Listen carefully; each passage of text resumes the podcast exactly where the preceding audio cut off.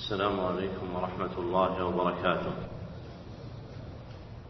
الحمد لله الذي جعل للعلم أصولا وسهل بها إليه وصولا وأشهد أن لا إله إلا الله وحده لا شريك له وأشهد أن محمدا عبده ورسوله صلى الله عليه وعلى آله وصحبه ما بينت أصول العلوم وسلم عليه وعليهم ما أبرز المنطوق منها والمفهوم أما بعد فهذا شرح الكتاب الرابع من برنامج أصول العلم في سنته الرابعة ست وثلاثين وأربعمائة وألف وسبع وثلاثين وأربعمائة وألف. وهو كتاب المفتاح في الفقه على مذهب الإمام أحمد بن حنبل رحمه الله لمصنفه صالح بن عبد الله بن حمد العصيمي. نعم. أحسن الله إليكم. الحمد لله رب العالمين وصلى الله وسلم وبارك على عبده ورسوله نبينا محمد وعلى آله وصحبه أجمعين. اللهم اغفر لنا ولشيخنا ولوالديه ولمشايخه وللمسلمين. قلتم وفقكم الله تعالى في مصنفكم المفتاح في الفقه على مذهب الإمام أحمد بن حنبل رحمه الله تعالى. بسم الله الرحمن الرحيم. الحمد لله وكفى. وصلى الله وسلم على رسوله محمد المصطفى وعلى آله وصحبه ومن مثلهم وفى. أما بعد ابتدأ المصنف وفقه الله كتابه بالبسملة. اتباعا للوارد في السنة النبوية في رسائله صلى الله عليه وسلم إلى الملوك. اتباعا للوارد في السنة النبوية في رسائله صلى الله عليه وسلم إلى الملوك والتصانيف تجري مجراها. ثم ثنى بحمد الله عز وجل قائلا الحمد لله وكفى. أي وكفى بالله محمودا للعبد. أي وكفى بالله محمودا للعبد. لأن الله وحده هو مستحق الحمد الكامل. لأن الله وحده هو مستحق الحمد الكامل.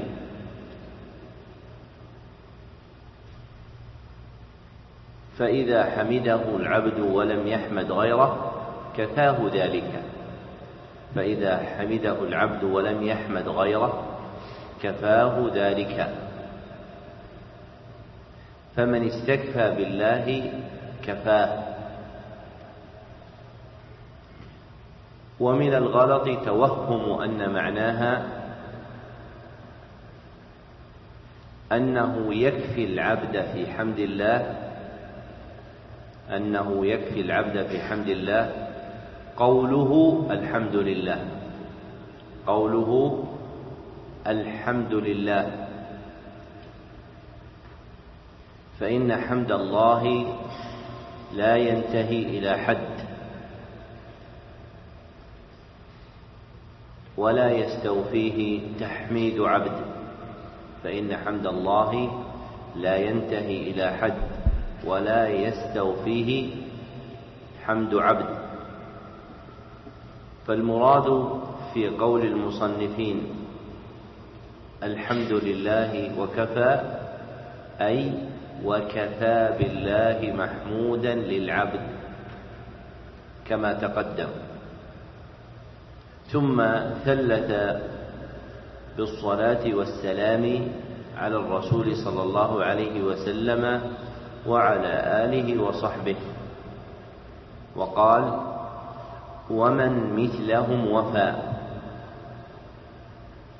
أي ومن جاء بعد الآل والصحب رضي الله عنهم. أي ومن جاء بعد الآل والصحب رضي الله عنهم.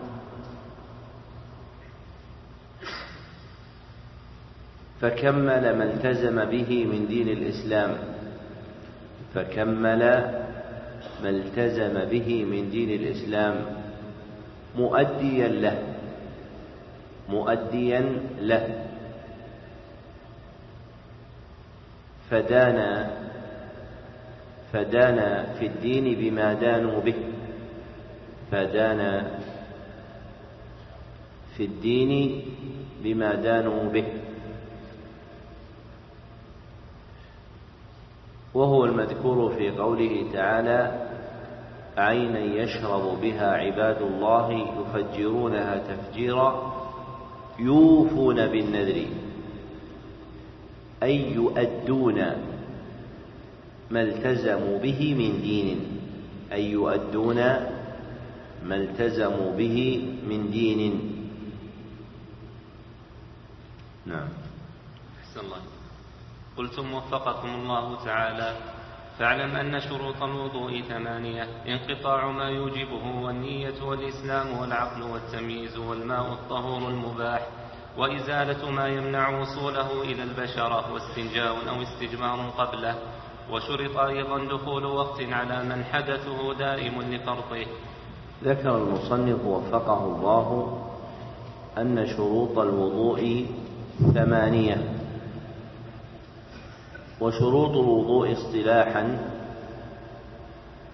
أوصاف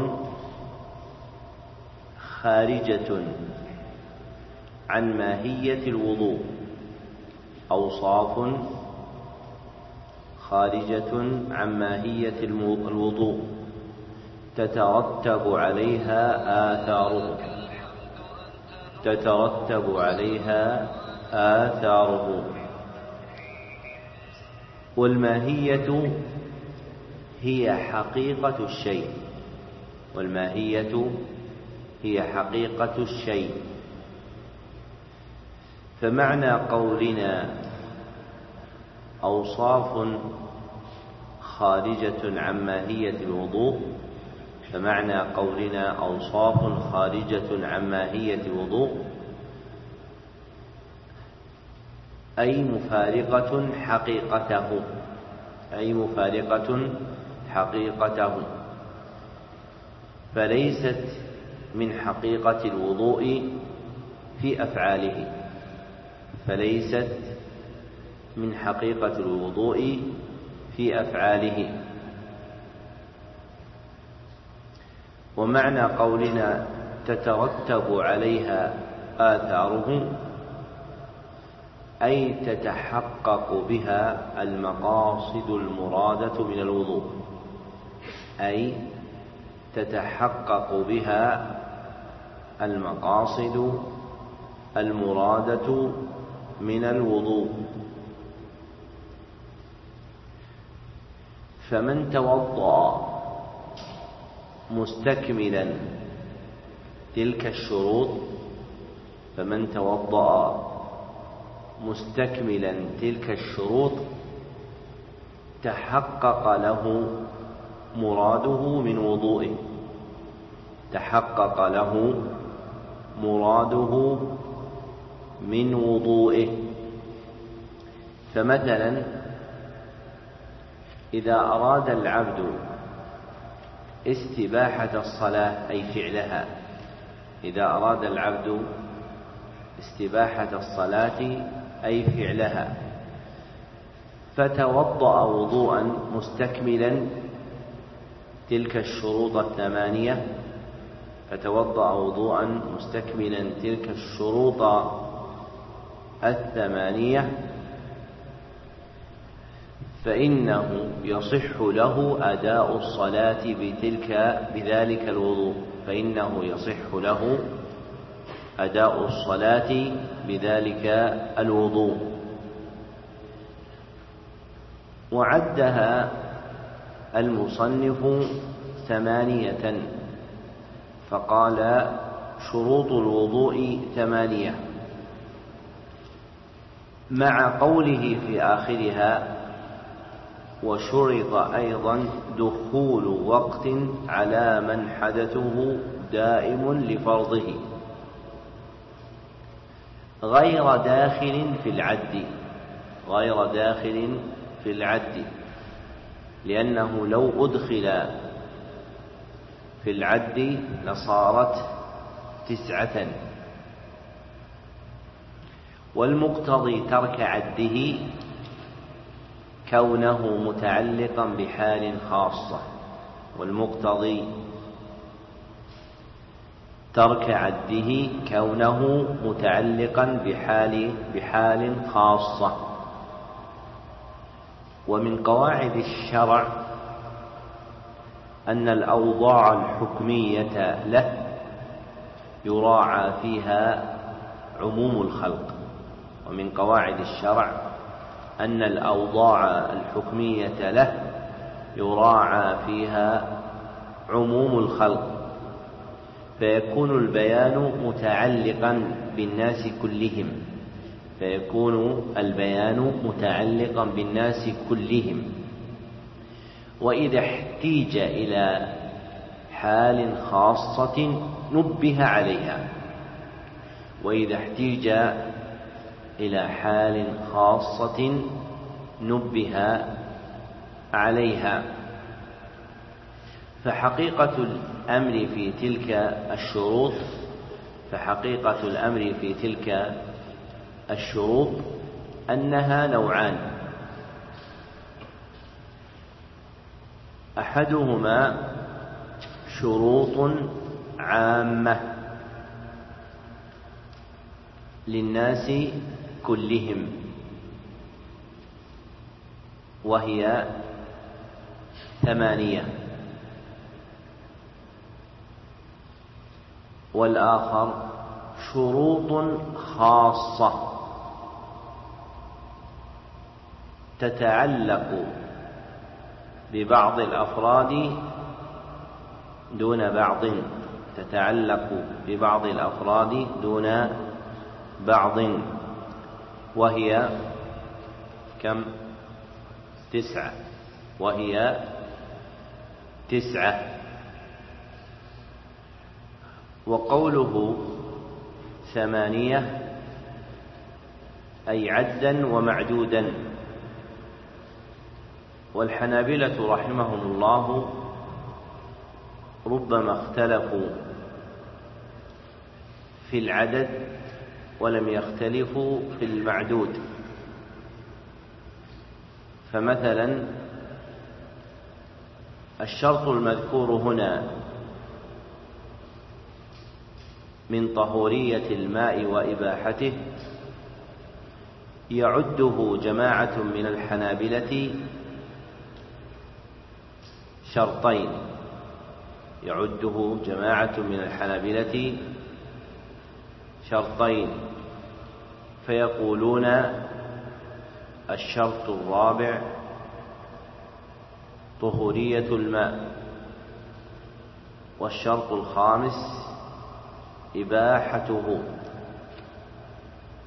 وكذلك شرط النية فإن منهم من يعد ما تعلق بالنية شرطين. فيقول الشرط الأول النية. والشرط الثاني استصحاب حكمها. استصحاب حكمها. وهذه العبارات المذكورة آنفا من عد شرط عند قوم شرطين عند آخرين ومن اختلاف التنوع أم التضاد ومن اختلاف التنوع ومن اختلاف التنوع. فإن مآل قولهم إلى أمر واحد. فإن الذين يعدونه شرطا يذكرون الأمرين معا. فمثلا يقولون طهورية ماء وإباحته. وأولئك الذين يعدون ما سبق. شرطين يفرقون بينهما. فالحنابلة يتفقون في المعدود وإن اختلفوا في العدد وإن اختلفوا في العدد.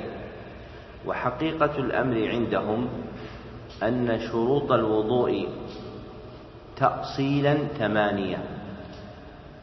وتفصيلا عشرة. وتفصيلا عشرة. أن شروط الوضوء عندهم تأصيلا ثمانية.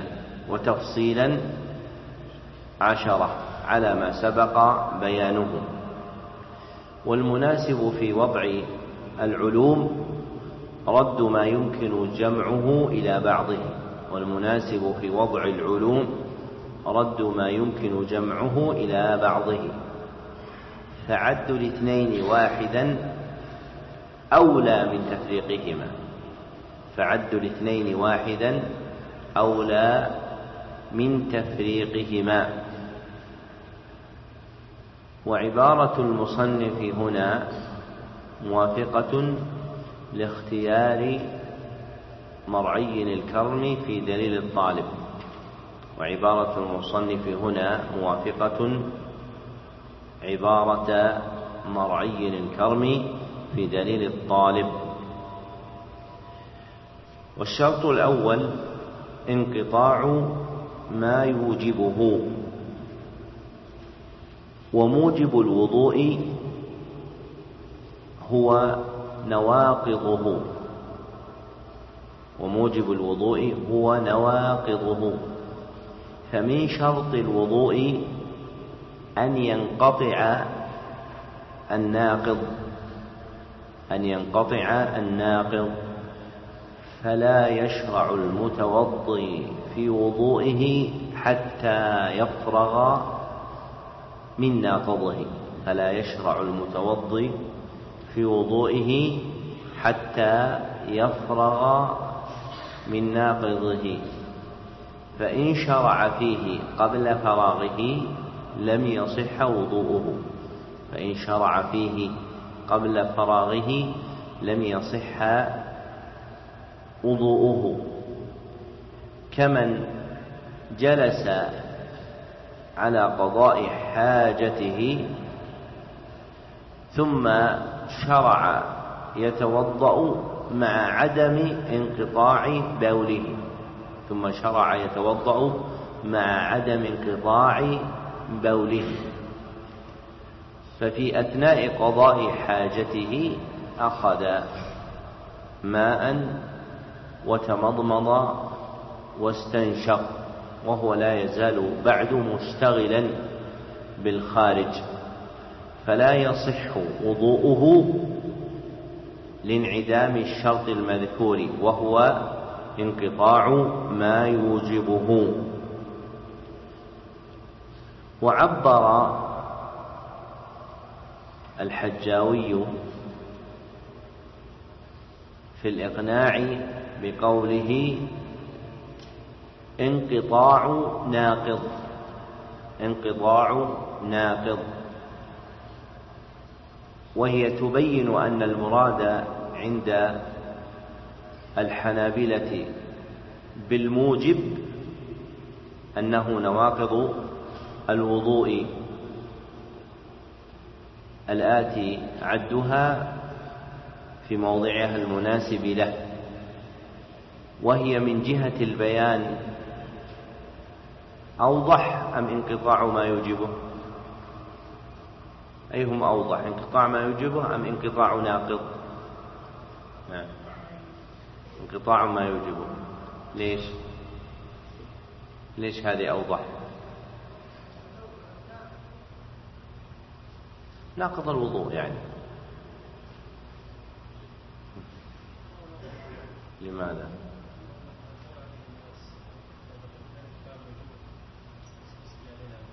لأنه المعبر به عند الحنابلة في الوضوء. هل تجدون عند الحنابلة موجبات الوضوء أم تجدون نواقض الوضوء؟ نواقض الوضوء. فالتعبير بقول صاحب الإقناع انقطاع ناقض أبين في العبارة. أبين في العبارة. لأن المستعمل عادة عند الفقهاء هو بيان نواقض الوضوء لا موجباته. لأن المستعمل عند الفقهاء عادة هو بيان نواقض الوضوء لا موجباته. ومع كونه أبين في العبارة إلا أنه ليس أبين في الدلالة ولهذا عدلوا عنه. ومع أنه أبين في العبارة إلا أنه ليس أبين في الدلالة ولذلك عدلوا عنه. لماذا ليس أبين في الدلالة؟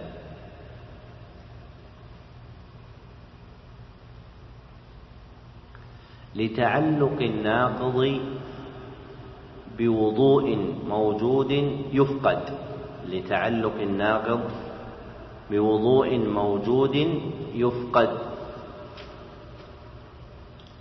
وتعلق الموجب الموجب بوضوء مفقود يطلب.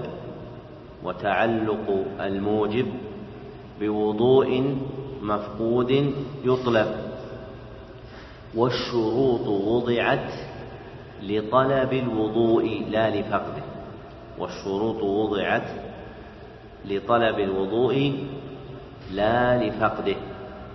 أي قول من قال كصاحب الإقناع وانقطاع ناقض اسم الناقض إنما يرد على عبد متوضئ أم غير متوضئ.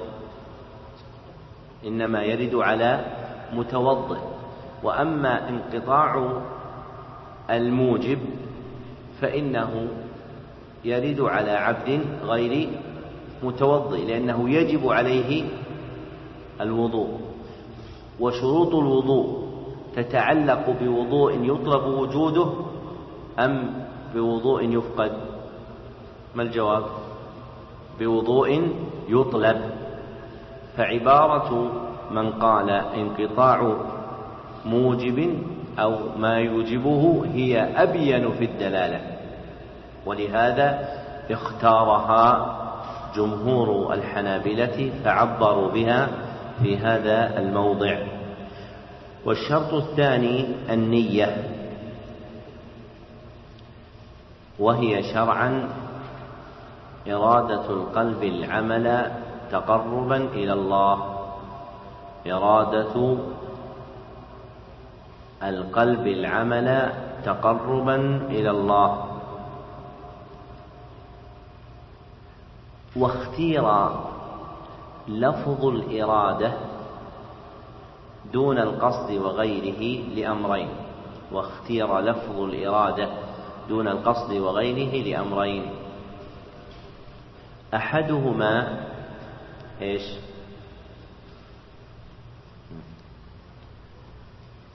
أحسن.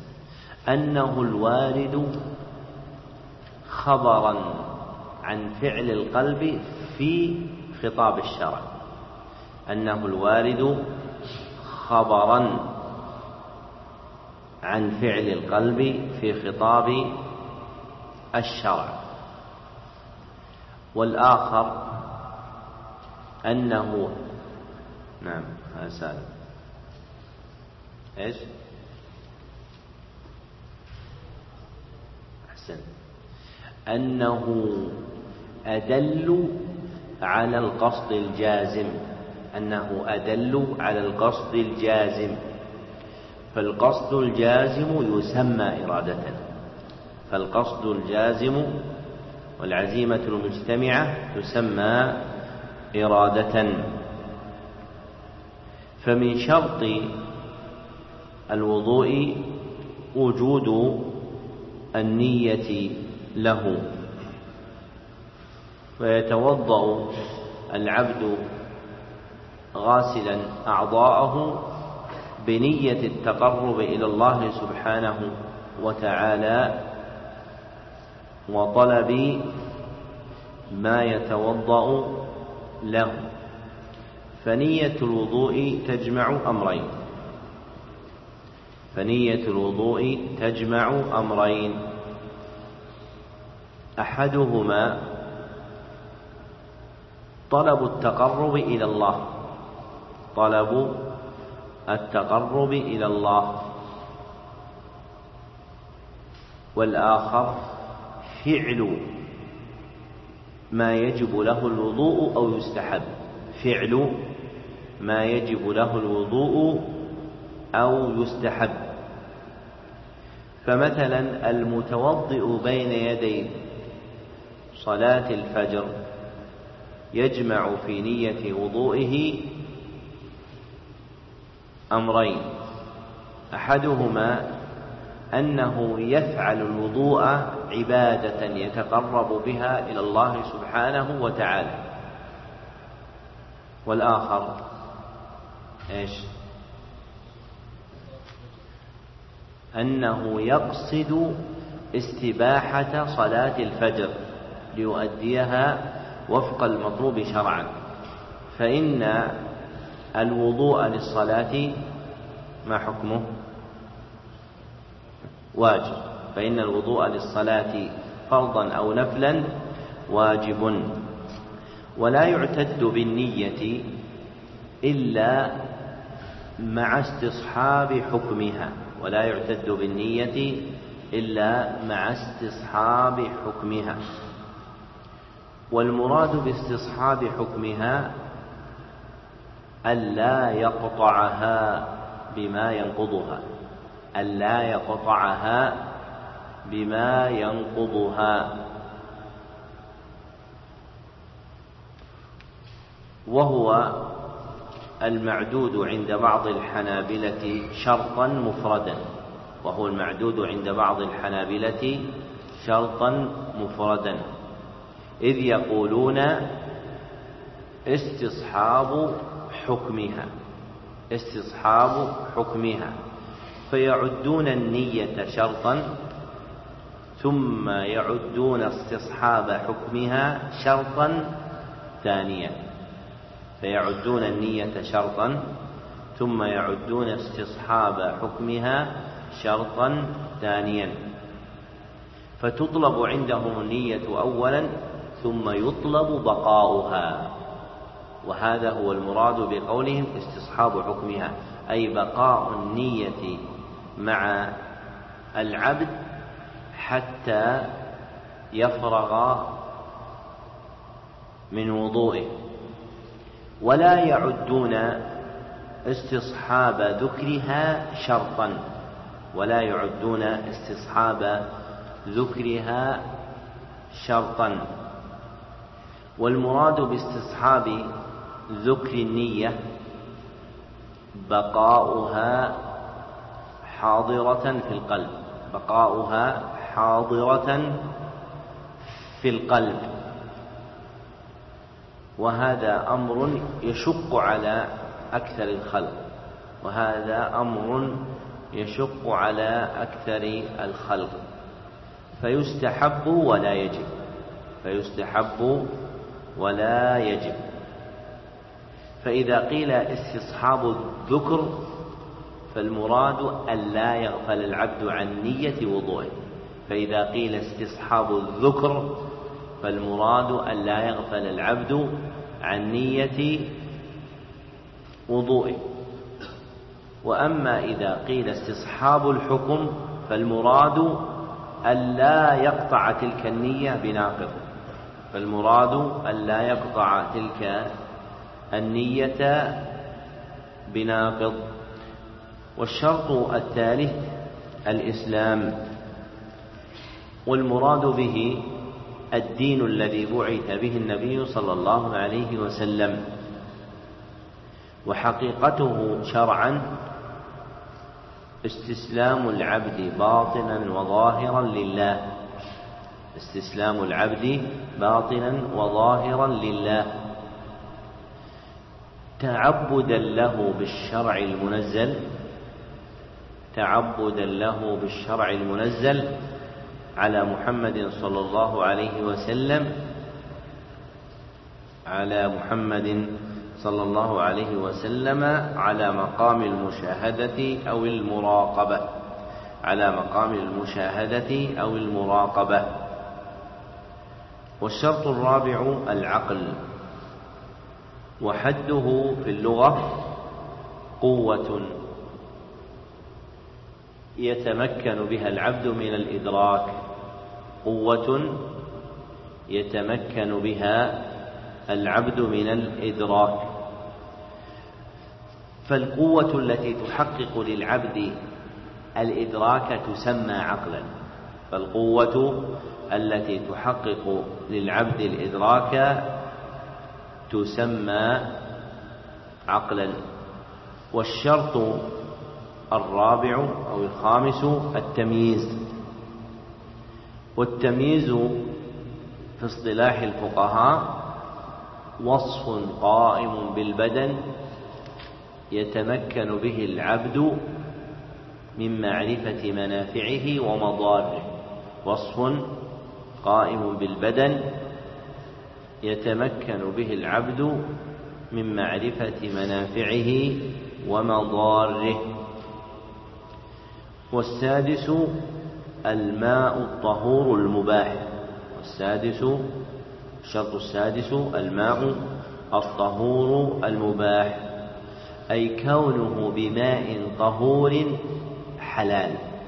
أي كونه بماء طهور حلال. فالشرط المذكور يجمع وصفين في الماء.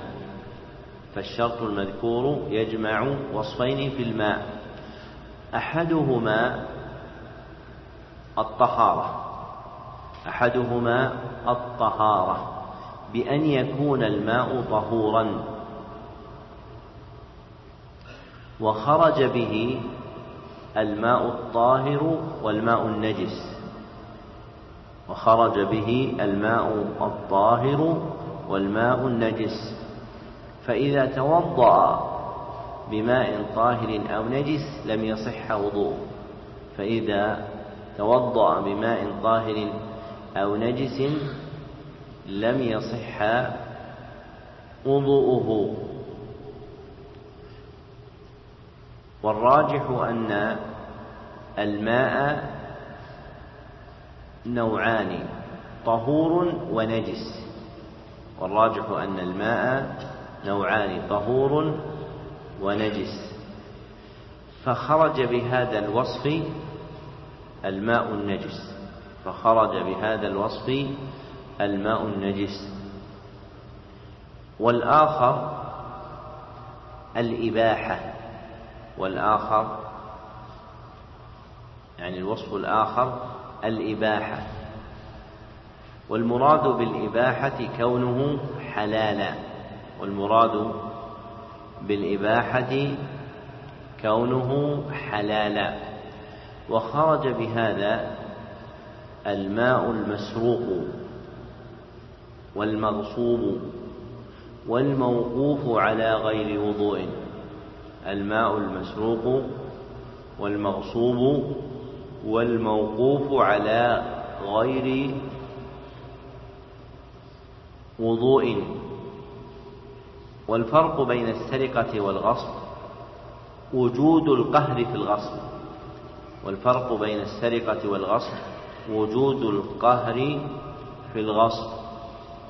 بأن يأخذ الماء من مالكه رغما عنه. بأن يأخذ الماء من مالكه رغما عنه. والمراد بالماء الموقوف على غير وضوء والمراد بالماء الموقوف على غير وضوء.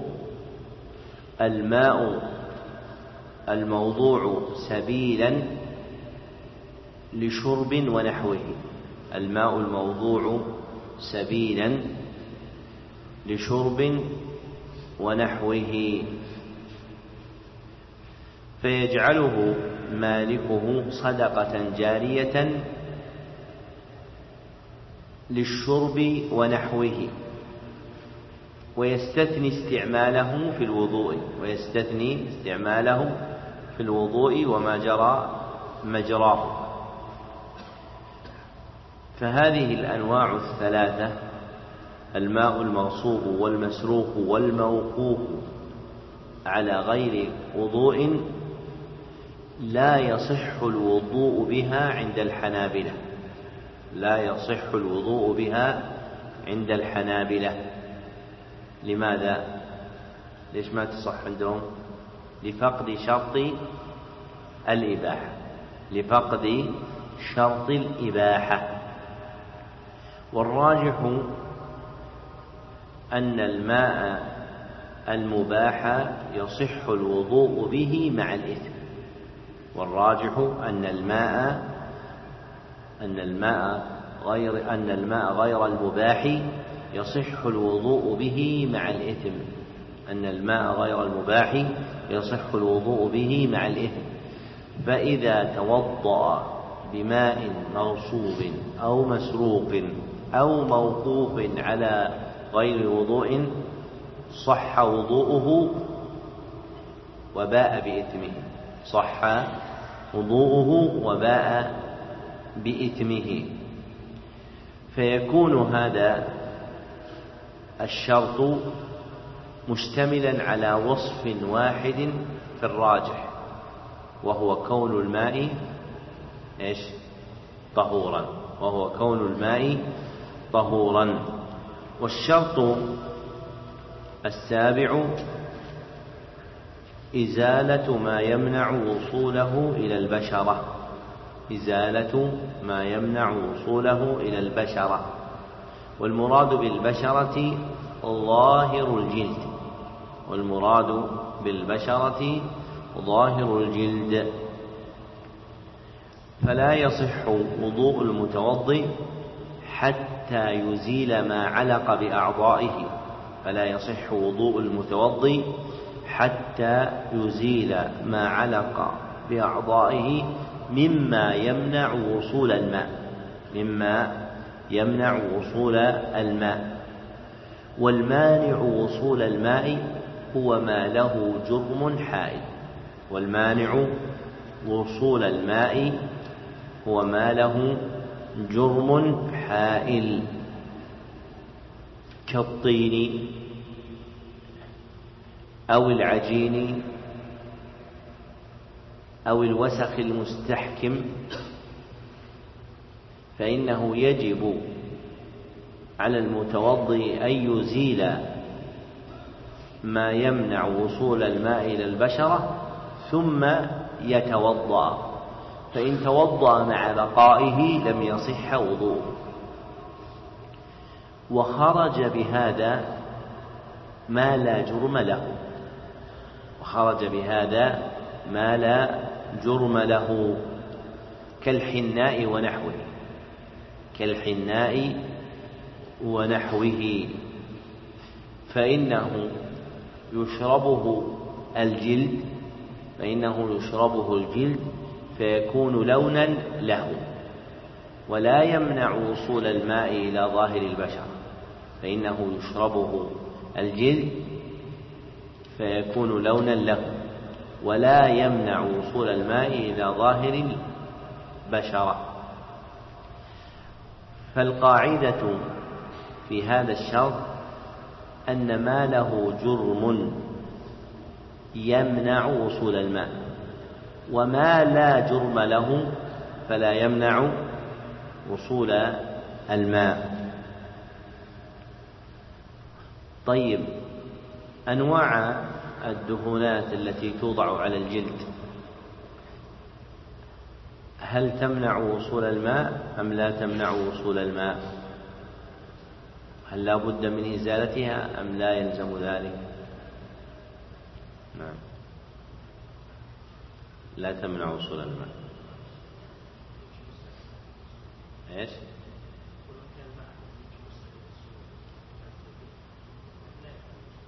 طيب كيف يمشي بسرعة؟ وهو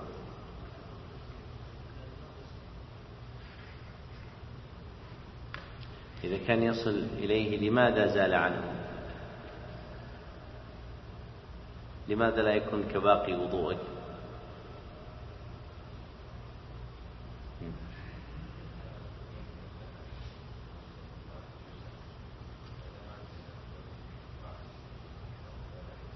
أحسنت. يقال إن أنواع الدهن المستعملة عند الناس مختلفة فمنها ما يشربه الجلد فمنها ما يشربه الجلد فهذا لا يضر ومنها ما يبقى له جرم عليه فلا بد من إزالته وما ومنها ما له جرم عليه فلا بد من إزالته فمثلا ما يسمى بالنيفيا. هذا مما يشربه الجلد فإنك إذا ادهنت به ولونه أبيض فدلكت به يدك أو وجهك ذهب هذا البياض وانحل وأشربه الجلد. فلا جرم له. فقد انحل في البشرة وصار غير مانع وصول الماء إليها. ومن أجناس هذه الأنواع ما له جرم يبقى فلا يشربه الجلد كأنواع الدهون التي توضع للحروق فإنها كثيفة قوية فهذه لها جرم يمنع وصول الماء إلى الجلد. والشرط الثامن استنجاء أو استجمار قبله. استنجاء أو استجمار قبله. ومحلهما عند خروج خارج من السبيلين. ومحلهما عند خروج خارج من السبيلين. فإذا خرج الخارج من السبيلين كبول أو غائط كان من شرط الوضوء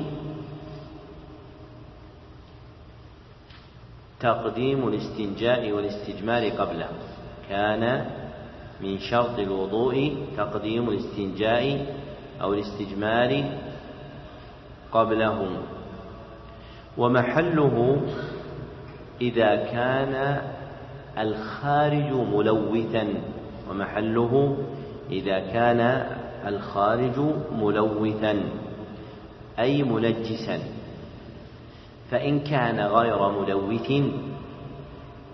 لم يشترط الاستنجاء أو الاستجمار له. فإذا كان غير ملوث لم يشترط الاستنجاء والاستجمار له. كالريح عند الحنابلة. كالريح عند الحنابلة. فإن الريح عندهم من نواقض الوضوء.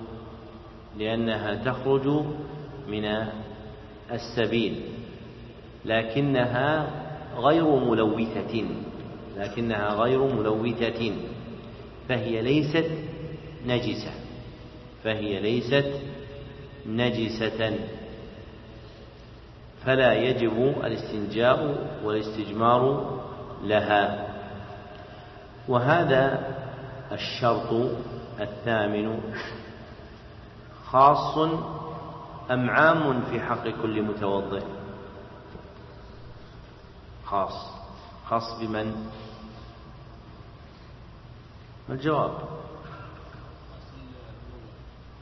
خاص لمن خرج منه ما يستنجي أو يستجمر له وهو الخارج الملون.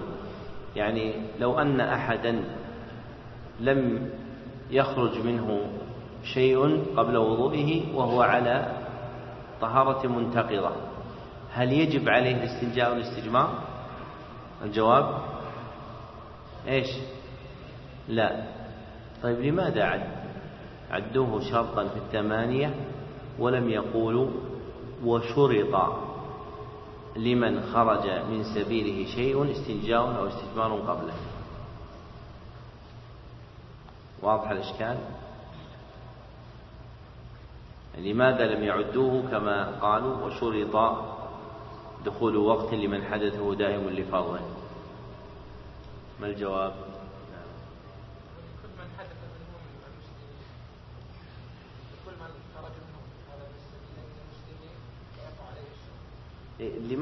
لماذا ما جعلوه خاص؟ أنت فهمك في كلمة المسلمين يدل على أنك أدركت المعنى. لأنه غالب في حياة الناس. أحسن ولم يعد هذا شرطا خاصا لأنه الحكم الجاري في عادة الخلق. ولم يعد هذا شرطا خاصا لأنه الحكم الجاري في عادة الخلق. فالجاري في عادة الخلق افتقارهم إلى قضاء الحاجة. الجاري في عادة الخلق افتقارهم إلى قضاء الحاجة بما يخرج من السبيل. فهي عادة جارية. لا تختص ببعضهم دون بعض بخلاف قوله بخلاف قولهم وشرط دخول وقت لمن حدثه دائم لفرضه فإنها حال خاصة ببعض أفراد الخلق لا بجمهورهم. ولما فرغ المصنف من عد هذه الشروط الثمانية ختم بذكر الشرط الخاص فقال وشرط أيضا دخول وقت على من حدثه دائم لفرضه فهذا الشرط خاص بذي الحدث الدائم. فهذا الشرط خاص بذي الحدث الدائم. وهو الذي يتقطع حدثه ولا ينقطع. وهو الذي يتقطع حدثه ولا ينقطع. فالأحداث باعتبار الانقطاع وعدمه نوعان. فالأحداث باعتبار الانقطاع وعدمه نوعان. أحدهما الحدث الطارئ المنقطع. الحدث الطارئ المنقطع. وهو الذي يعرض للإنسان ثم ينقطع عنه. وهو الذي يعرض للإنسان ثم ينقطع عنه. والآخر الحدث الدائم المتقطع. الحدث الدائم المتقطع. وهو الذي يعرض للإنسان متقطعا ولا ينقطع. وهو الذي يعرض للإنسان متقطعا ولا ينقطع. مثال الأول البول. مثال الأول البول. فإنه إذا طرأ على العبد انقطع عنه. ومثال الثاني سلس البول. ومثال الثاني سلس البول. وهو سريانه من القبل لمرض وعلة وهو سريانه من القبل لمرض وعلة والشرط المذكور يتعلق بالحدث المتقطع. والشرط المذكور يتعلق بالحدث المتقطع كسلس البول أو سلس الريح أو الاستحاضة من امرأة لا ينقطع دمها. فمن كان حدثه دائما يتقطع ولا ينقطع فإنه يشترط له ألا يتوضأ لفرضه إلا بعد دخول وقته. يشترط له ألا يتوضأ لفرضه إلا بعد دخول وقته. فإذا توضأ بعد دخول وقته لم يضره ما يخرج منه. فإذا توضأ بعد دخول وقته لم يضره ما يخرج منه. وإن توضأ قبله فخرج منه شيء وجب عليه إعادة الوضوء. فإن توضأ قبله فخرج منه شيء وجب عليه الوضوء.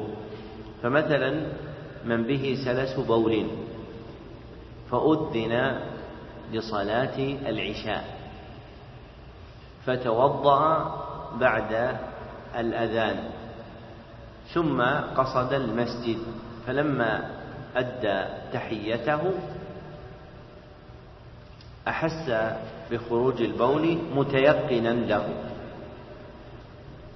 فهذا لا يجب عليه أن يعيد وضوءه. لمشقة ذلك عليه فيكفيه وضوءه بعد دخول الوقت. ولو قدر أنه توضأ للعشاء قبل الأذان ثم قصد المسجد فأذن للصلاة وهو في المسجد. فلما صلى تحية المسجد أحس بالخارج متيقنا له فإنه يجب عليه أن يعيد وضوءه فإنه يجب عليه أن يعيد وضوءه لأنه توضأ لحدثه قبل دخول وقت فرضه. وعد هذا شرطا لأن العادة الجارية غالبا أن من توضأ من هؤلاء لفرضه انقطع عنه الخارج مدة يمكنه بها أداء الفرض. لأن الواقع عادة أن من توضأ من هؤلاء لفرضه ينقطع عنه الخارج مدة يمكنها فيه يمكنه فيها أداء فرضه. فإذا توضأ مثلا لصلاة العشاء فالعادة أنه لا يخرج منه بول بهذا السلس إلا بعد أربعين دقيقة أو خمسين دقيقة. فإذا توضأ قبل دخول الوقت كان أحرى أن يخرج منه الخارج قبل الصلاة. نعم. أحسن الله إليكم. قلتم وفقكم الله تعالى. وشروط الصلاة نوعان شروط وجوب وشروط صحة. فشروط وجوب الصلاة أربعة الإسلام والعقل والبلوغ والنقاء من الحيض والنفاس. وشروط صحة الصلاة تسعة الإسلام والعقل والتمييز والطهارة من الحدث ودخول الوقت وستر العورة. واجتناب نجاسة غير معفو عنها في بدن وثوب وبقعة. واستقبال القبلة والنية.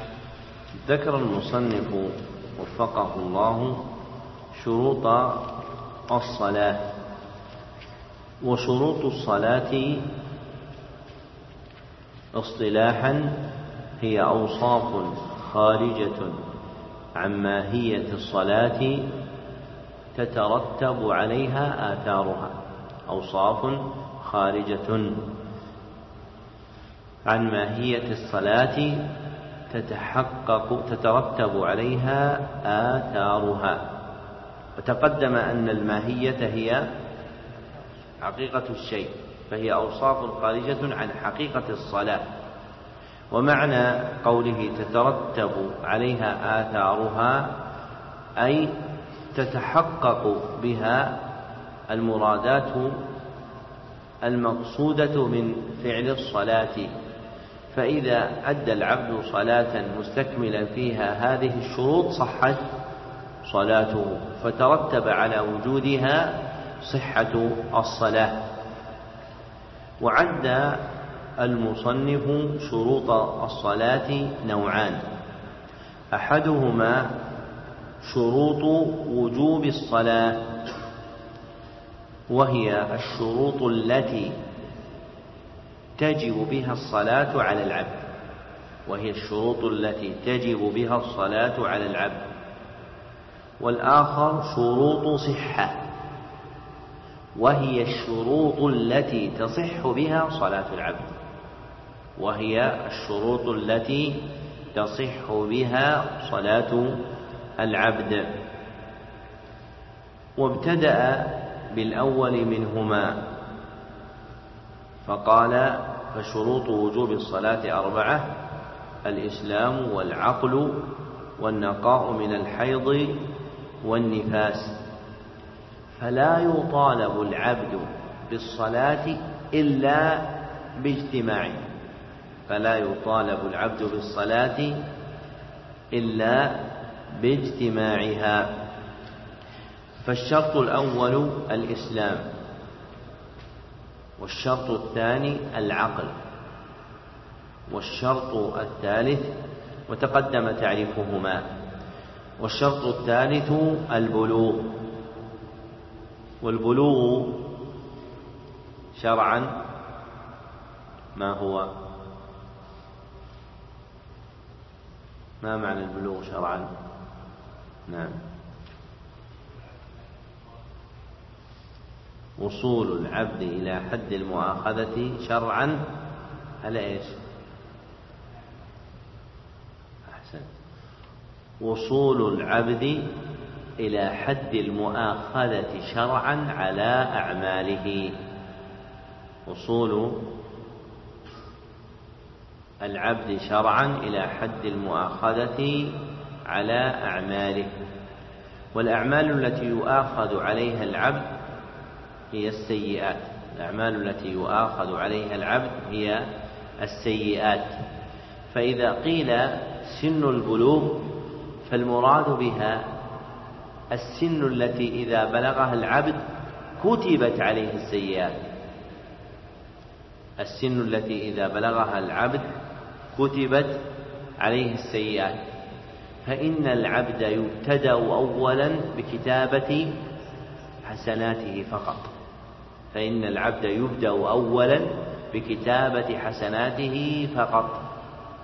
فإذا عمل حسنة كتبت له وإذا عمل سيئة لم تكتب عليه حتى يبلغ سن المؤاخذة حتى يبلغ سن المؤاخذة. فإذا بلغ سن المؤاخذة كتبت عليه الحسنات والسيئات معا كتبت عليه الحسنات والسيئات معا. فمثلا لو أن صبيا مميزا ابن ثمان سنين صلى أو حج كتب له على صلاته وحجه حسنات. ولو أن ابن ثمان هذا لم يصلي الصلاة وخرج مع والديه إلى الحج فلم يحج. تكتب سيئات أم لا تكتب؟ لم تكتب عليه السيئات. فالمراد بالبلوغ وصول العبد إلى حد المؤاخذة شرعا على أعماله السيئة. وهذه الشروط الثلاثة شروط مشتركة بين الرجال والنساء. وهذه الشروط الثلاثة شروط مشتركة بين الرجال والنساء والشرط الرابع النقاء من الحيض والنفاس. النقاء من الحيض والنفاس. وهذا شرط مختص بالمرأة. والمراد بالنقاء من الحيض والنفاس الطهر منهما. الطهر منهما. المتحقق بأمرين. المتحقق بأمرين. أحدهما انقطاع الدم. أحدهما انقطاع الدم. والآخر رؤية علامة الطهر. رؤية علامة الطهر. فإذا انقطع دم المرأة الحائض أو النفساء ثم رأت علامة الطهر صارت في حال النقاء. صارت في حال النقاء. إذا تبين هذا فأيهما أصح؟ قول بعض الفقهاء في هذا الشرط انقطاع الدم من حائض ونفساء أم قول غيرهم النقاء من الحيض والنفاس؟ لماذا؟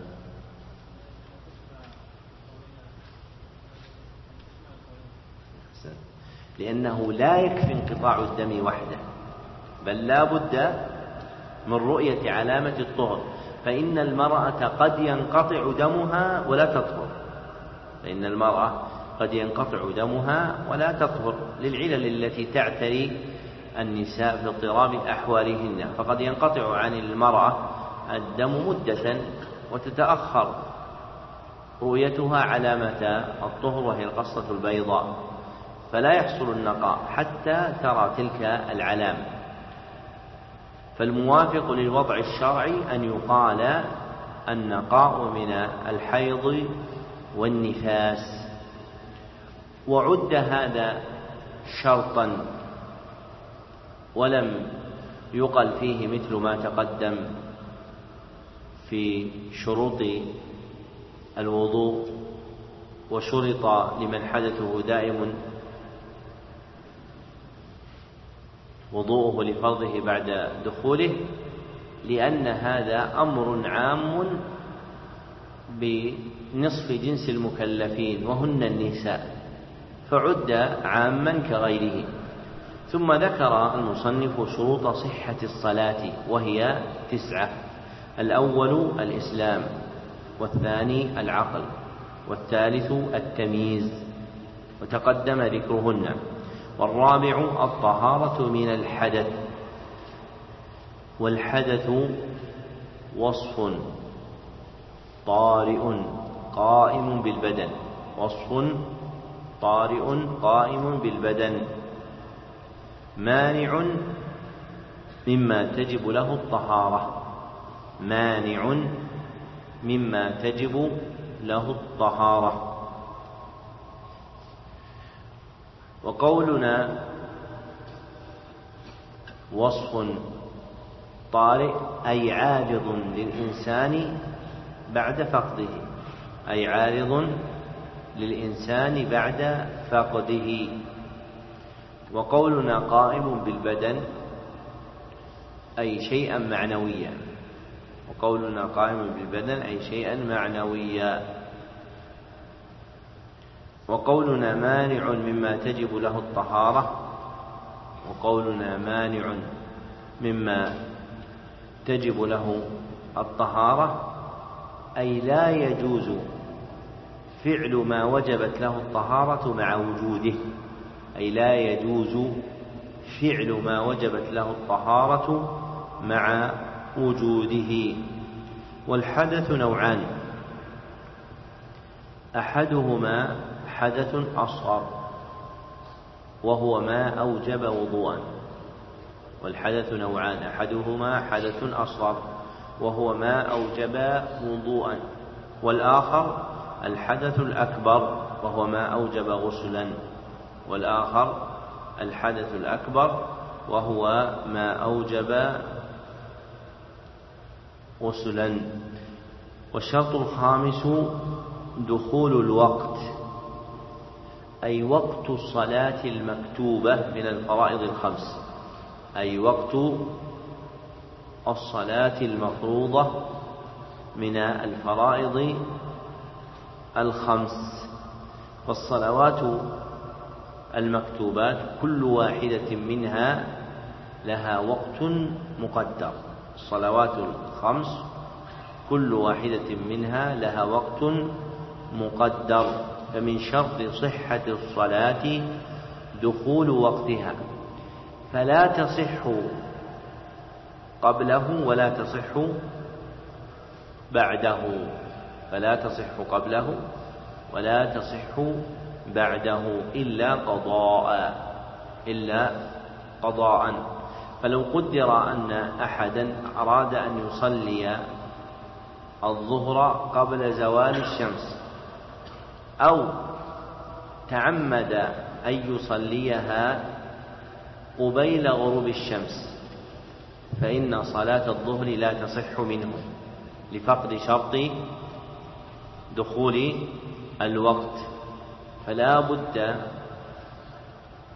أن تكون الصلاة في الوقت المقدر لها شرعا. واضح؟ طيب لماذا ما قال الفقهاء الوقت؟ وإنما قالوا دخول الوقت. لأنك إذا قلت الوقت تعلق بما قبل الصلاة وما بعد الصلاة. لكن إذا قلت دخول الوقت فالأصل أن يتعلق بما بعد الصلاة مطابقة وأما ما قبله فيكون اقتضاء. وعبر بدخول الوقت لأن الأصل في المسلم طلب إقامة الصلاة فنفسه تتطلع إليها. لأن الأصل في المسلم طلب إقامة الصلاة فنفسه تتطلع إليها. أي حين حينها فيؤديها. أي حين حينها فيؤديها. والسادس ستر العورة. والعورة يراد بها عورة الإنسان. يراد بها عورة الإنسان. وهي سوءته وكل ما يستحيا منه. وهي سوءته وكل ما يستحيا منه. والمراد بها هنا عورة الصلاة. والمراد بها هنا عورة الصلاة. لا عورة النظر. لا عورة النظر. فإن الفقهاء يذكرون العورة في كتاب الصلاة ويذكرونها أيضا في كتاب النكاح فإن الفقهاء يذكرون العورة في كتاب الصلاة وفي كتاب النكاح. فالمراد بها في الصلاة عورة الصلاة فالمراد بها في الصلاة عورة الصلاة والمراد بها في النكاح عورة النظر والمراد بها في النكاح عورة النظر ولكل واحد منهما أحكامه التي يفارق بها الآخر. ولكل واحد منهما أحكامه التي يفارق بها الآخر. فمن شرط الصلاة ستر المصلي عورته وهي كما تقدم سوءته وكل ما يستحيا منه. وعورة الرجل حرا أو عبدا ما بين السرة إلى الركبة. وعورة الرجل حرا أو عبدا ما بين السرة إلى الركبة. وهما ليس من العورة. وهما ليس من العورة. فعين الركبة وعين السرة ليس من عورة الصلاة. فعين الركبة وعين السرة ليس من عورة الصلاة. والعورة فيها ما بينهما. والعورة فيها ما بينهما. أما المرأة الحرة فكلها عورة في الصلاة إلا وجهها. إلا وجهها. وكذلك يديها وقدميها على الراجح وكذلك يديها وقدميها على الراجح. والمراد باليدين باليدين هنا الكفان. والمراد باليدان هنا الكفان. فيجب على المرأة أن تستر بدنها في صلاتها إلا الوجه والكفان والقدمان. ما لم تكن بعورة بحضرة رجال أجانب. ما لم تكن بحضرة رجال أجانب. فيجب عليها ستر جميع بدنها. فيجب عليها ستر جميع بدنها. والشرط السابع اجتناب نجاسة غير معفو عنها. اجتناب نجاسة غير معفو عنها. في بدن وثوب وبقعة. والمراد بالنجاسة هنا النجاسة الحكمية. والمراد بالنجاسة هنا النجاسة الحكمية. لأن النجاسات نوعان. لأن النجاسات نوعان. أحدهما نجاسة حقيقية. وهي عين مستقدرة شرعا. وهي عين مستقدرة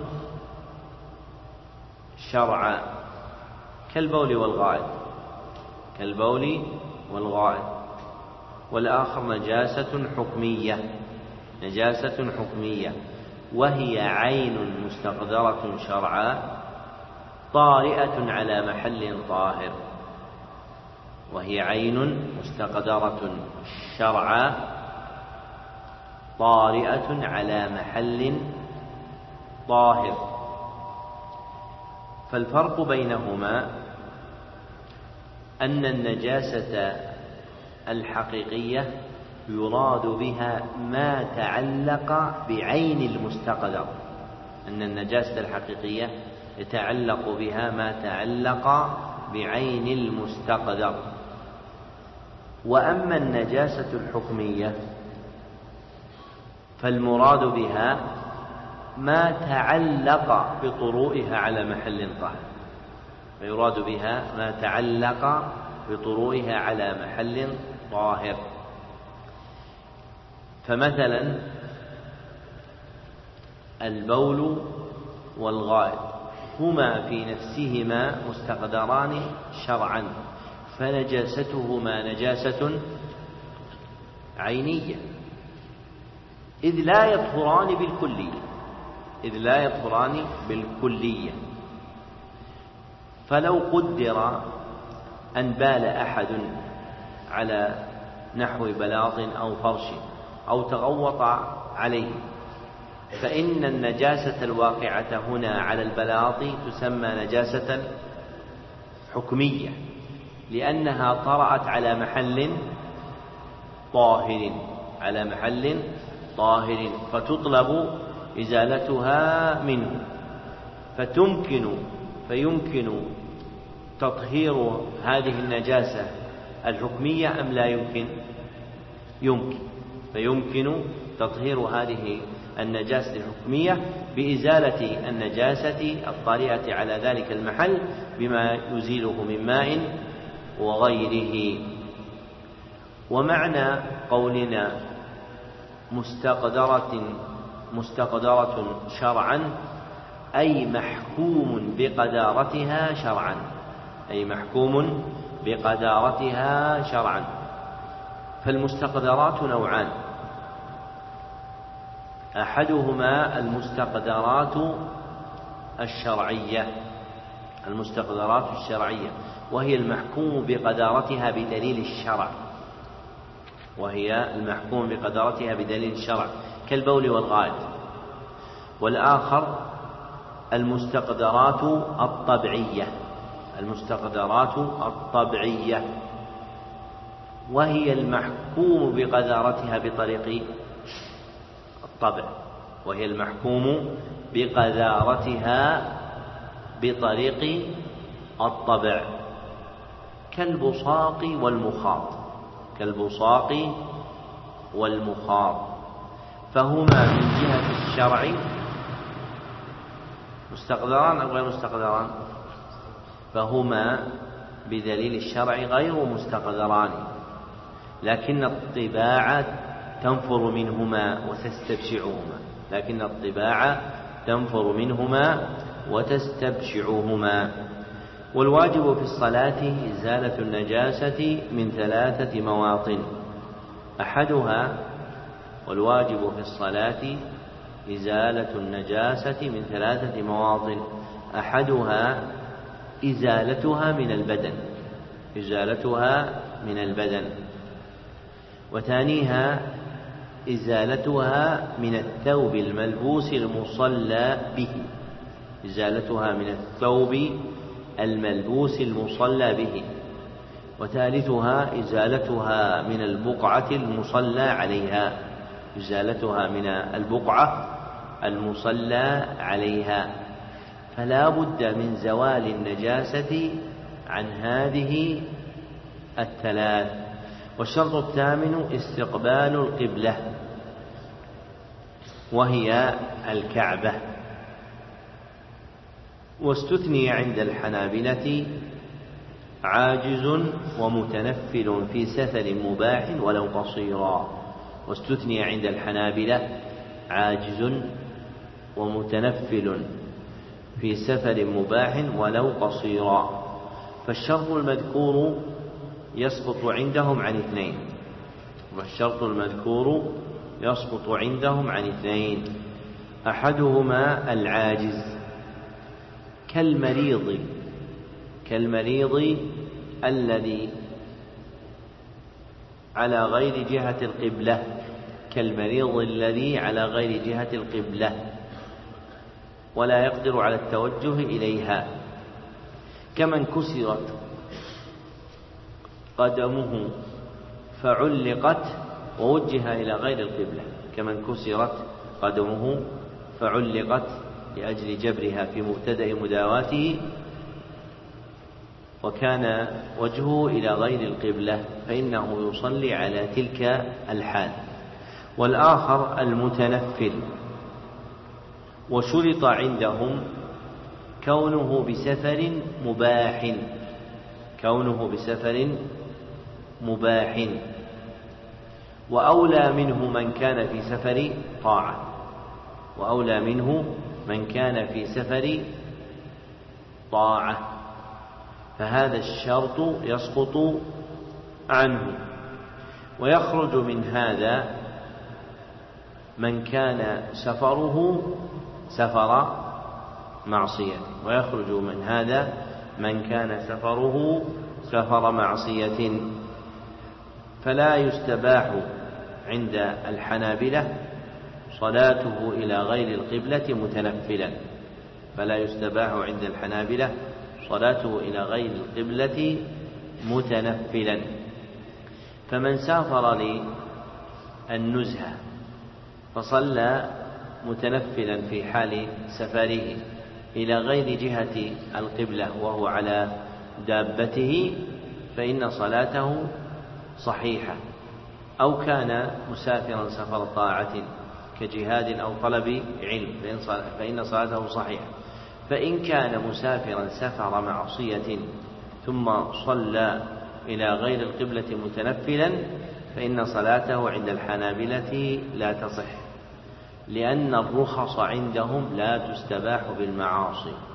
لأن الرخص عندهم لا تستباح بالمعاصي أي لا تجعل مباحة مأذونا بها للعبد حال عصيانه. أي لا تجعل مباحة مأذونا بها للعبد حال عصيانه. وما هو سفر المعصية؟ ما هو سفر المعصية؟ أي يوسف. أحسن. والمراد بسفر المعصية هو السفر الذي يكون باعثه طلب المعصية. هو السفر الذي يكون باعثه طلب المعصية. فالمحرك لخروجه من بلده هو طلب معصية. فالمحرك لخروجه من بلده هو طلب معصية. فعلم أن السفر الذي يعصي فيه العبد لا يسمى سفر معصية. فعلم أن السفر الذي يعصي فيه العبد لا يسمى سفر معصية. فلو خرج أحد إلى النزهة في بلاد ثم وقع محرما فإن هذا السفر لا يسمى سفر معصية لأنه لم يخرج لأجلها لكنه واقعها في سفره. فإن أراد أحد أن يخرج من بلده لأجل الوقوع في محرم فإن هذا يسمى سفر معصية. فالأول يدخل في هذا الشر فله أن أن يتنفل في سفره. وأما الثاني أن يتنفل في سفره إلى غير القبلة. وأما الثاني فإنه عندهم لا يصح منه تنفله في سفره إلى غير القبلة. ومعنى قولهم ولو قصيرا أي ولو دون مسافة قصر أي ولو دون مسافة قصر فيسافر سفرا يسفر به عن بلده فيفارق عمرانه. يسفر به عن بلده فيفارق عمرانه. لكن لا يبلغ مسافة القصر. لكن لا يبلغ مسافة القصر. فيجوز أن يصلي متنفلا إلى غير القبلة. والشرط التاسع النية. وتقدم تعريفها. ونية الصلاة عند الحنابلة ثلاثة أنواع. ونية الصلاة عند الحنابلة ثلاثة أنواع. أحدها نية فعل الصلاة بإيجادها. نية فعل الصلاة بإيجادها. وثانيها نية فرض الوقت بتعيينه. نية فرض الوقت بتعيينه. وثالثها نية الإمامة والائتمام نية الإمامة والائتمام بأن ينوي الإمام إمامته للمصلين بأن ينوي الإمام إمامته للمصلين وينوي المأموم وينوي المأموم ائتمامه بالإمام. وينوي المأموم ائتمامه بالإمام. فإذا أراد المصلي عند الحنابلة أن يصلي وطلبت منه النية فهم يطلبون منه نية فعل الصلاة تقربا إلى الله عز وجل فهو يوجد الصلاة بفعلها طلبا للقربى عند الله عز وجل ثم يطلب عندهم أن ينوي فرض الوقت بتعيينه أي بأن يعين في قلبه فرض الصلاة التي يريد أداءها. فإذا أذن لصلاة الظهر ودخل وقتها فإنه يقصد المسجد ناويا التقرب إلى الله بفعل الصلاة أولا ثم ناويا أن يؤدي إيش؟ صلاة الظهر. وهو فرض الوقت هنا أن يؤدي صلاة الظهر فلا بد من تعيينها. فلو أنه قصد المسجد ناويا الفرض دون تعيينه فإن صلاته لا تصح. فإن صلاته لا تصح عند الحنابلة. فلا بد من أن يعين فرض الوقت فجرا أو ظهرا أو عصرا أو مغربا أو عشاء فإذا عين فرض الوقت ودخل في الصلاة فإن كان إماما فلا بد أن ينوي إمامته بالمصلين. وإن كان مأموما فلا بد أن ينوي كونه مؤتما بذلك الإمام. والراجح أن النية المطلوبة للصلاة نوعان. والراجح أن النية المطلوبة للصلاة نوعان. أحدهما نية فعل الصلاة بإيجادها. نية فعل الصلاة بإيجادها. والآخر نية فرض الوقت ولو لم يعين. نية فرض الوقت ولو لم يعين. بأن ينوي كون صلاته فرضا ولو لم يعينه من الخمس. بأن ينوي كون صلاته فرضا ولو لم يعينه من الخمس. فإذا وجدت هذه النية في قلبه وأنه يريد فرض الوقت كفته. ولو لم يعين ذلك الفرض. فإذا أذن لصلاة الفجر وقصد المصلي المسجد فصلى مع المسلمين ناويا فرض الوقت صحت صلاته ولو لم يعين أنها صلاة الفجر لكنه عين أنها صلاة فرض لكنه عين أنها صلاة فرض. وهذا التعيين واقع في القلوب بمجرد الخروج بعد الآذان فإنه لا تقصد الجماعة في المساجد عادة إلا لأجل الفرائض الخمس. والمناسب في أحكام النيات بناؤها على التوسعة والمسامحة. والمناسب في أحكام النيات بناؤها على المسامحة والتوسعة. لئلا تورث الوسواس. لئلا تورث الوسواس. نعم. أحسن الله إليكم قلتم وفقكم الله تعالى فصل. واعلم أن فروض الوضوء ستة. غسل الوجه ومنه الفم بالمضمضة والأنف بالاستنشاق وغسل اليدين مع المرفقين ومسح الرأس كله ومنه الأذنان وغسل الرجلين مع الكعبين والترتيب بين الأعضاء والموالاة. ذكر المصنف وفقه الله أن فروض الوضوء ستة. وفروض الوضوء اصطلاحا هي ما تركبت منه ماهية الوضوء. ما تركبت منه ماهية الوضوء ولا تسقط مع القدرة عليها ولا تسقط مع القدرة عليها ولا تجبر بغيرها ولا تسقط مع القدرة عليها ولا تجبر بغيرها. والمراد بها حقيقة أركانه والمراد بها حقيقة أركانه ففروض الوضوء هي أركان الوضوء. ففروض الوضوء هي أركان الوضوء. وفروض الوضوء وأركان الصلاة يجمعهما أصل واحد.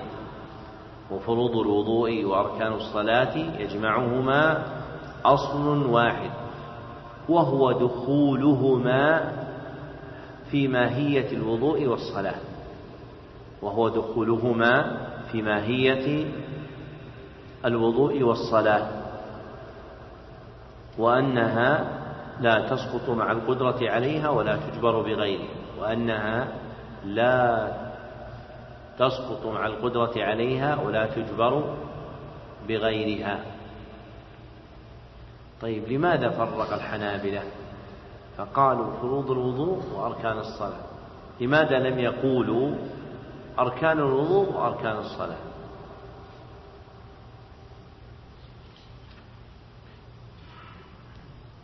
يعني أركان الوضوء هي فروض الوضوء هي أركانه.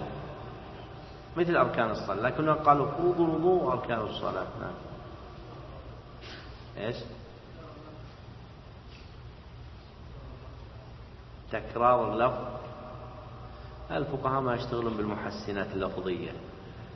دائما الفقيه إنما يكون لمقصد. الأصل في الأوضاع العلمية دائما أن تكون لمقصد. لابد دائما تفهم أنه لا يعدل عن لفظ إلى آخر إلا لمقصد عند أهل العلم. مقصد تتعلق به الأحكام لا لمجرد المحسن اللفظي. ما الجواب؟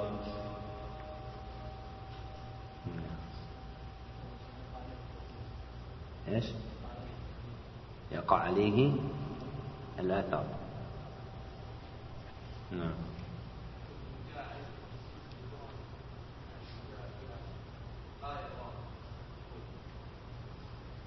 يعني نعم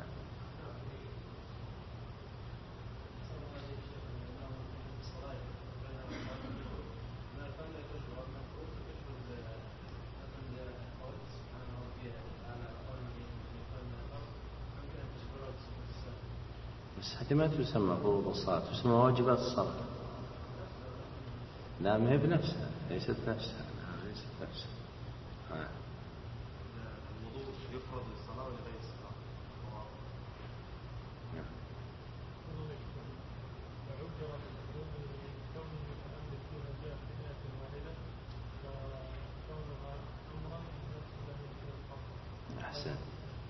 نعم.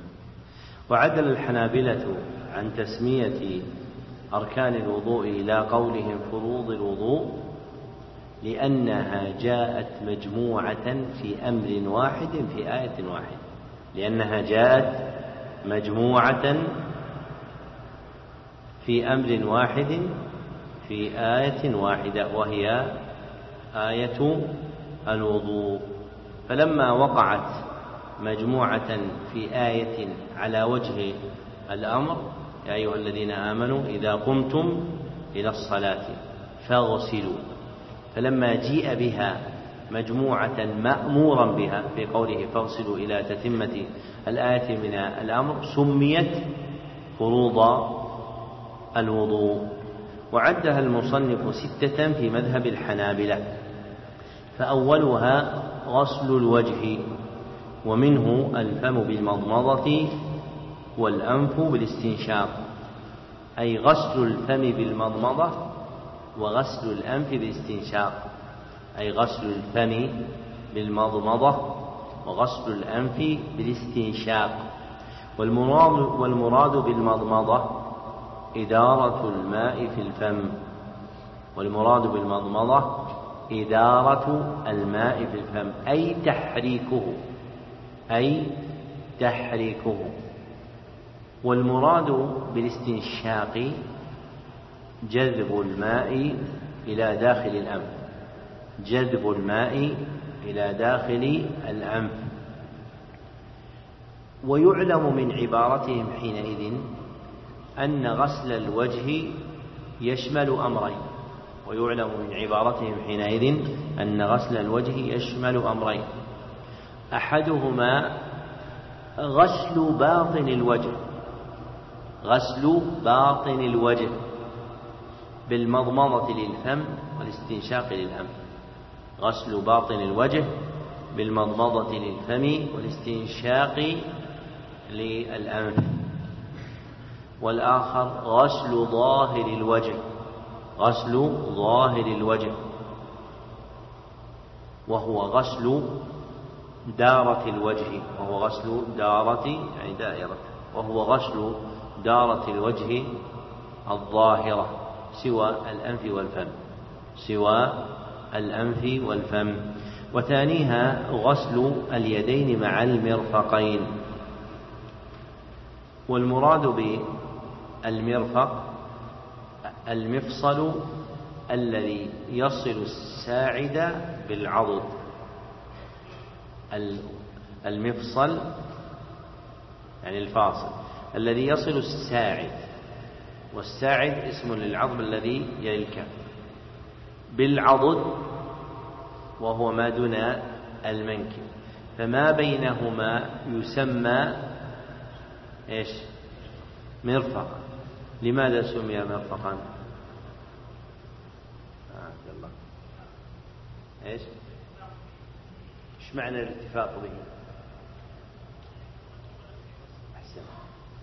سمي مرفقا لأن العبد يطلب به الرفق لنفسه عند اتكاء ونحوه لأن العبد يطلب به الرفق بنفسه عند الاتكاء ونحوه فإنه أيسر على العبد إذا اتكأ أن يكون اتكاؤه على هذا المرفق. فمن فروض الوضوء أن يغسل العبد يديه.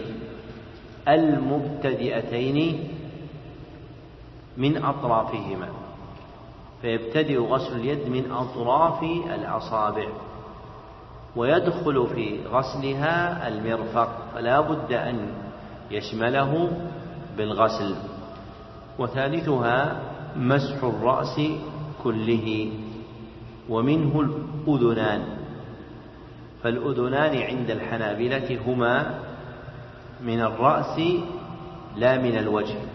فالأذنان عند الحنابلة هما من الرأس لا من الوجه.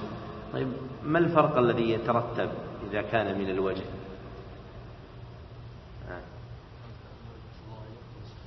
إيش؟ أحسن. أحسن. والفرق بين هذا وذاك أنهما لو كانا من الوجه ففرضهما الغسل. أنهما لو كان من الوجه ففرضهما الغسل. أما إذا كان من الرأس ففرضهما المسح. ورابعها غسل الرجلين مع الكعبين. غسل الرجلين مع الكعبين. والمراد بالرجلين هنا القدمان. المراد بالرجلين هنا القدمان. والكعب هو العظم الناتئ في أسفل الساق من جانب القدم. والعظم الناتئ في أسفل الساق من جانب القدم. فالعظم الذي ينتو أي يبرز في أسفل الساق أي في آخر الساق من جانب القدم يسمى كعبا. وكل رجل كم لها كعب؟ ها بلال ها؟ أحسن. وكل رجل لها كعبان على الأصح عند أهل العربية. وكل رجل لها كعبان على الأصح عند أهل العربية. أحدهما كعب ظاهر والآخر كعب باطن. فالكعب الظاهر الذي يبرز خارجا من ناحية البدن والكعب الباطن الذي يبرز في أسفل الساق من باطن البدن فالذي يكون في القدم اليمنى إلى خارج البدن يسمى كعبا خارجيا والآخر يسمى كعبا داخليا وهو مقابله من داخل البدن وقل مثل ذلك في القدم اليسرى فلا بد من غسل الرجلين وإدخال الكعبين معهما. فيغسل رجله ثم يدخل الكعب في الغسل. وخامسها الترتيب بين الأعضاء وهو تتابع أفعال الوضوء في صفته الشرعية. تتابع أفعال الوضوء في صفته الشرعية. ومحل الفرض فيه بين الأعضاء الأربعة. لا بين تفاصيلها ومحل الفرض فيه بين الأعضاء الأربعة لا بين تفاصيلها وهي الوجه واليدان والرأس والقدمان وهي الوجه واليدان والرأس والقدمان. فلا بد من تتابع الأفعال بينها دون تقديم بعضها على بعض. فيقدم غسل وجهه على غسل يديه ويقدم غسل يديه إلى المرفقين على مسح رأسه ويقدم مسح رأسه على غسل قدميه. فلو قدم بعض هذا على بعض لم يصح وضوءه. فلو أنه مسح رأسه قبل أن يغسل وجهه لم يصح وضوءه لفقد فرض الترتيب. ويرتفع هذا بين تفاصيل العضو الواحد.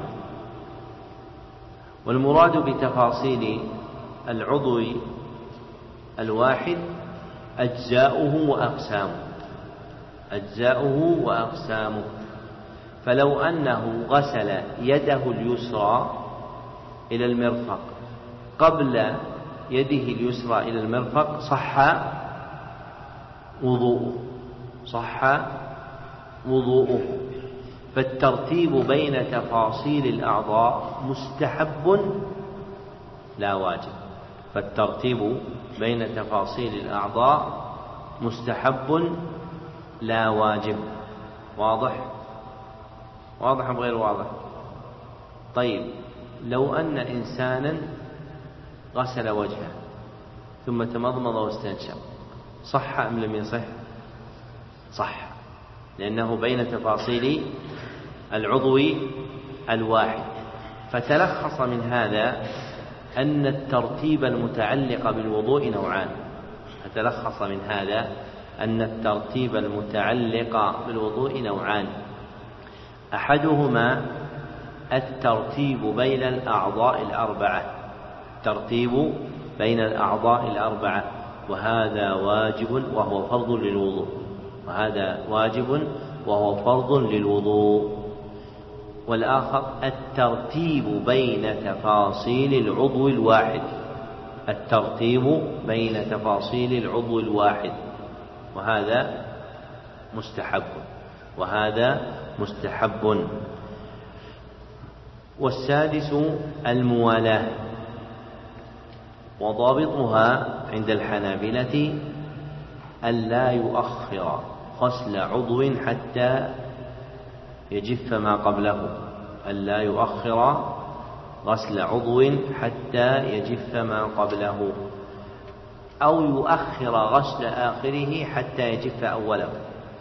أو يؤخر غسل آخره حتى يجف أوله في زمن معتدل أو قدره من غيره. في زمن معتدل أو قدره من غيره. والمراد بالجفاف نشاف العضو بذهاب أثر الماء. والمراد بالجفاف نشاف العضو بذهاب أثر الماء. فالموالاة عندهم تتحقق إذا لم يؤخر غسل العضو حتى يجف ما قبله أو غسل أو يؤخر غسل آخره حتى يجف أوله. فلو قدر أن أحدا غسل وجهه ثم لم يغسل يديه إلى المرفقين حتى جف الوجه. فإن الموالاة هنا تنقطع. أو غسل يده اليمنى إلى المرفق. ثم لم يغسل يده اليسرى حتى جفت اليد اليمنى. فإن الموالاة هنا تنقطع أم لا تنقطع؟ تنقطع. لماذا؟ لتأخيره غسل آخر العضو حتى جف أولا. لتأخيره غسل آخر العضو حتى جف أولا. ومحله عندهم في زمن معتدل في زمن معتدل وهو الزمن الكائن بين البرودة والحرارة. وهو الزمن الكائن بين البرودة والحرارة. فلا يكون باردا ولا حارا. فلا يكون باردا ولا حارا. ومتى يكون هذا؟ متى يكون غير بارد ولا حار؟ ما يخلف الأخير. من ذكر؟ أحسن ويتجه كونه عند استواء الليل والنهار. ويتجه كونه عند استواء الليل والنهار. ذكره مرعي الكرم في غاية المنتهى. ذكره مرعي الكرم في غاية المنتهى. يعني إذا صار الليل مساوي للنهار في ساعاته يكون الزمان حينئذ بين البرودة والحرارة. وهذا الواقع في مثل هذه الأيام. فيكون الزمن معتدلا بين الحرارة والبرودة. ومعنى قولهم أو قدره من غيره أي تقدير ما يساويه في الزمن غير المعتدل.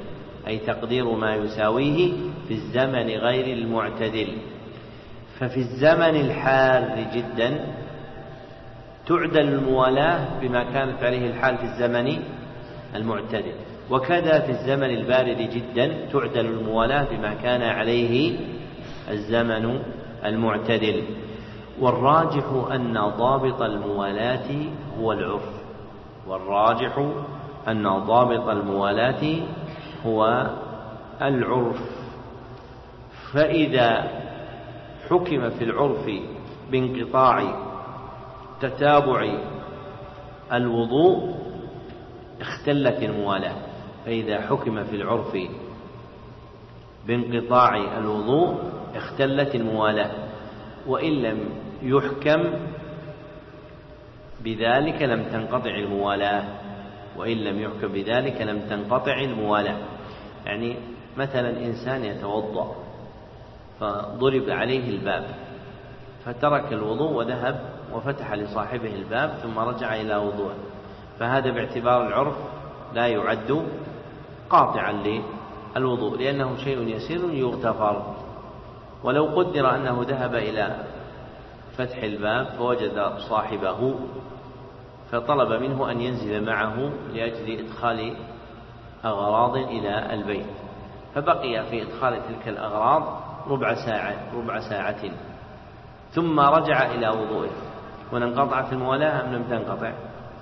انقطعت الموالاة لأن العرف يحكم بطول المدة بين أعضائه. نعم. أحسن الله إليكم. قلتم وفقكم الله تعالى.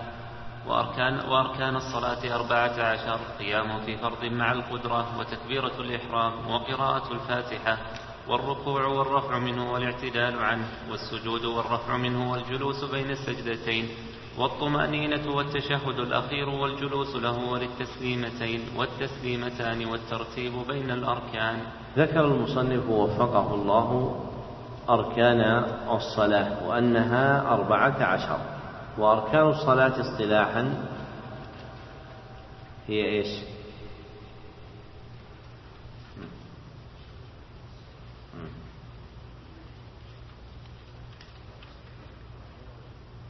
طيب من وين استفدت هذا؟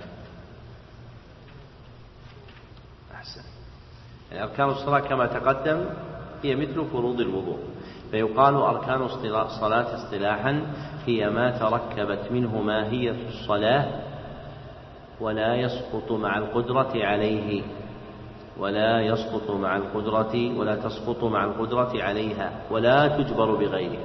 ما تركبت منها ماهية الصلاة ولا تسقط مع القدرة عليها ولا تجبر بغيرها.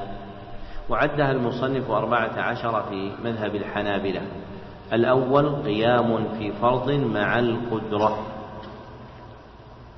فخرج بقيد الفرض النفل. فليس القيام فيه ركنا. فإذا صلى جالسا في النفل مع القدرة صح نفله. فإذا صلى جالسا في النفل مع القدرة صح نفله. وإن صلى في فرض جالسا مع القدرة لم يصح فرضه. والمراد بالقيام الوقوف. والمراد بالقيام الوقوف بأن ينتصب واقفا على قدميه. بأن ينتصب واقفا على قدميه. والثاني تكبيرة الإحرام. والثاني تكبيرة الإحرام. وهي ما هي تكبيرة الإحرام؟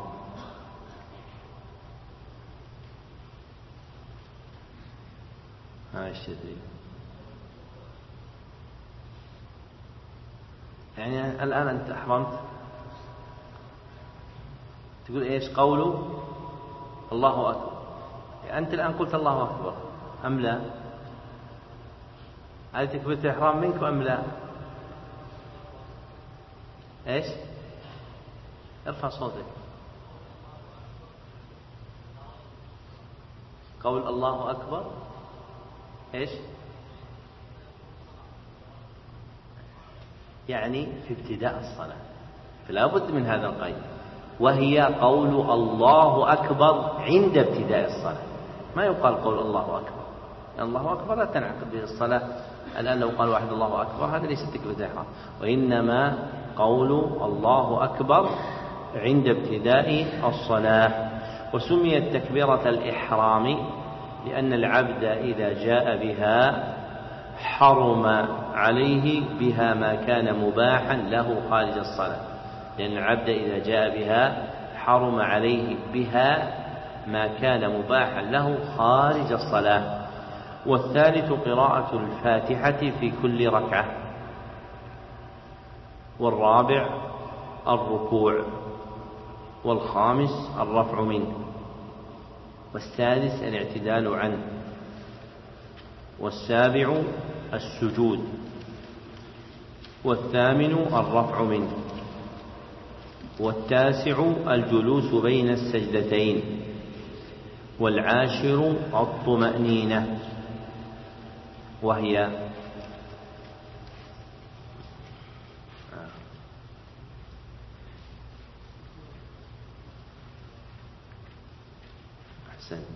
وهي سكون بقدر الإتيان بالواجب. وهي سكون بقدر الإتيان بالواجب في الركن وهي سكون بقدر الإتيان بالواجب في الركن. فإذا وجد السكون في الركن بقدر الإتيان بالواجب فيه حصلت الطمأنينة. فمثلا سيأتي من واجبات الصلاة قول سبحان ربي العظيم في الركوع. فمتى تتحقق الطمأنينة في الركوع؟ متى؟ إذا قال سبحان ربي العظيم. يخالفك سمع نعم. راكعا. بقدر؟ ولو لم يقلها هو بالسكون راكعا ولو لم يقل سبحان ربي العظيم. هو السكون راكعا بقدر سبحان ربي العظيم ولو لم يقلها فإذا سكن راكعا بقدر قول سبحان ربي العظيم جاء بركن الطمأنينة. جاء بركن الطمأنينة. فمثلا لو أن أحدا دخل مع الإمام راكعا فركع مطمئنا ولم يقل بعد سبحان ربي العظيم ثم قال سبحان ربي العظيم بعد رفع الإمام صحت صلاته أم لم تصح؟ صحت صلاته صحت صلاته لأنه أدرك الركوع بتحقيق ركن الطمأنينة فيه بسكونه مستقرا حال ركوعه قدر الواجب في الركن وهو قول سبحان ربي العظيم ولو لم يقله إلا بعد إمامه. والحادي عشر التشهد الأخير. والركن منه عند الحنابلة هو اللهم صل على محمد. بعد الإتيان بما يجزئ من التشهد الأول. والركن منه عند الحنابلة هو قول اللهم صل على محمد. بعد الإتيان بما يجزئ عند الحنابلة من التشهد الأول. والمجزئ عند الحنابلة من التشهد الأول والمجزئ عند الحنابلة من التشهد الأول هو قول التحيات لله. السلام عليك أيها النبي. التحيات لله. السلام عليك أيها النبي. سلام علينا وعلى عباد الله الصالحين. سلام علينا وعلى عباد الله الصالحين. وأشهد أن لا إله إلا الله وأن محمدا رسول الله. وأشهد أن لا إله إلا الله وأن محمدا رسول الله. فهذه الجملة هي المجزئة عند الحنابلة من التشهد الأول. فالتشهد الأخير عند الحنابلة مركب من أمرين. فالتشهد الأخير عند الحنابلة مركب من أمرين. أحدهما المجزئ من التشهد الأول ولو لم يأتي بتمامه. المجزئ من التشهد الأول ولو لم يأتي بتمامه. وهو ما تقدم ذكره. والآخر قول اللهم صل على محمد. والآخر قول اللهم صل على محمد. فعلم أن الدعاء بالبركة أن الصلاة على آل النبي صلى الله عليه وسلم والدعاء بالبركة له ولآله ليس عند الحنابلة من الركن ليس عند الحنابلة من الركن فهي عندهم من السنن المستحبة. فإذا قال اللهم صل على محمد انتهى عندهم التشهد الأخير الذي هو ركن. ولا يجب عليه أن يقول وعلى آل محمد كما صليت على إبراهيم وعلى آل إبراهيم إنك حميد مجيد. اللهم بارك على محمد وعلى آل محمد كما باركت على إبراهيم وعلى آل إبراهيم إنك حميد مجيد. فالتشهد الأخير عندهم مركب من هذين الأمرين. والثاني عشر الجلوس له. أي للتشهد الأخير وللتسليمتين. والثالث عشر التسليمتان. وهما إيش؟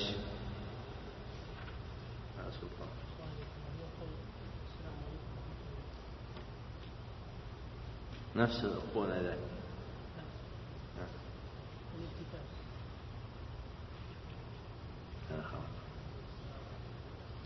أحسن وهما قول السلام عليكم ورحمة الله في آخر الصلاة.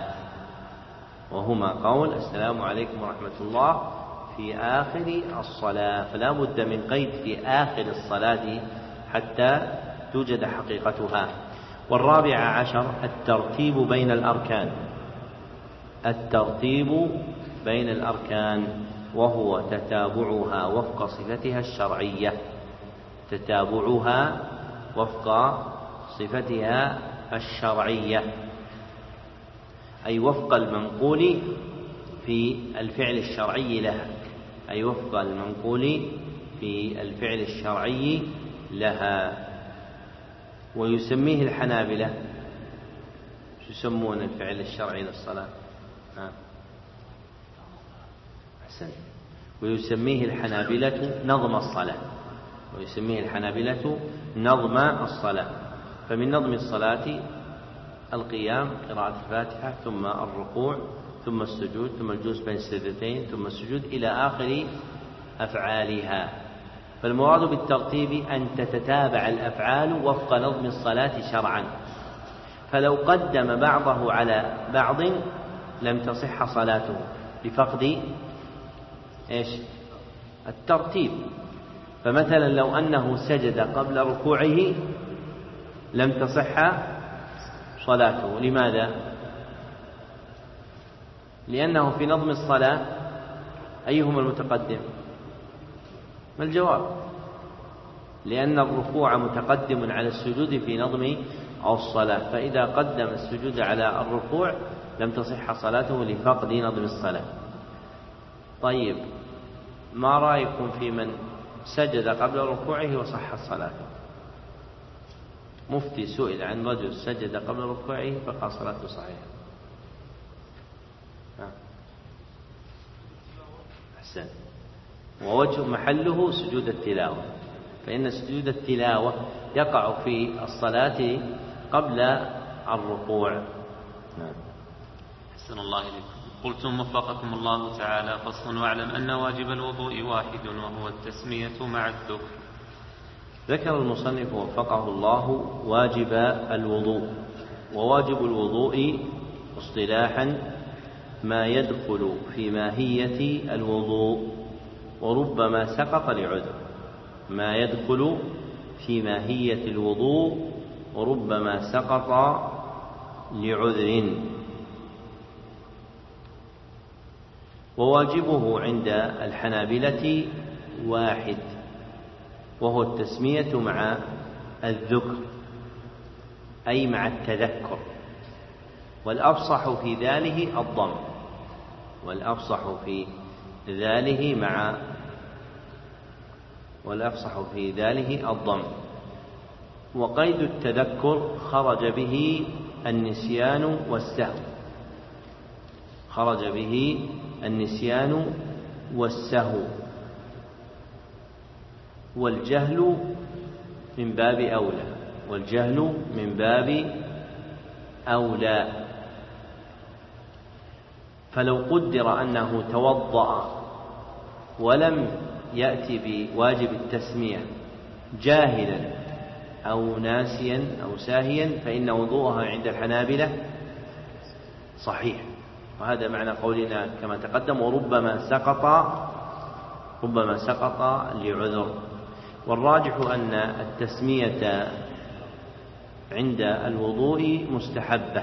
والراجح أن التسمية عند الوضوء مستحبة. نعم. أحسن الله إليكم قلتم وفقكم الله تعالى وواجبات الصلاة ثمانية تكبير الانتقال وقول سمع الله لمن حمده لإمام ومنفرد. وقول ربنا ولك الحمد لإمام ومأموم ومنفرد وقول سبحان ربي العظيم في الركوع وقول سبحان ربي الأعلى في السجود وقول رب اغفر لي بين السجدتين والتشهد الأول والجلوس له.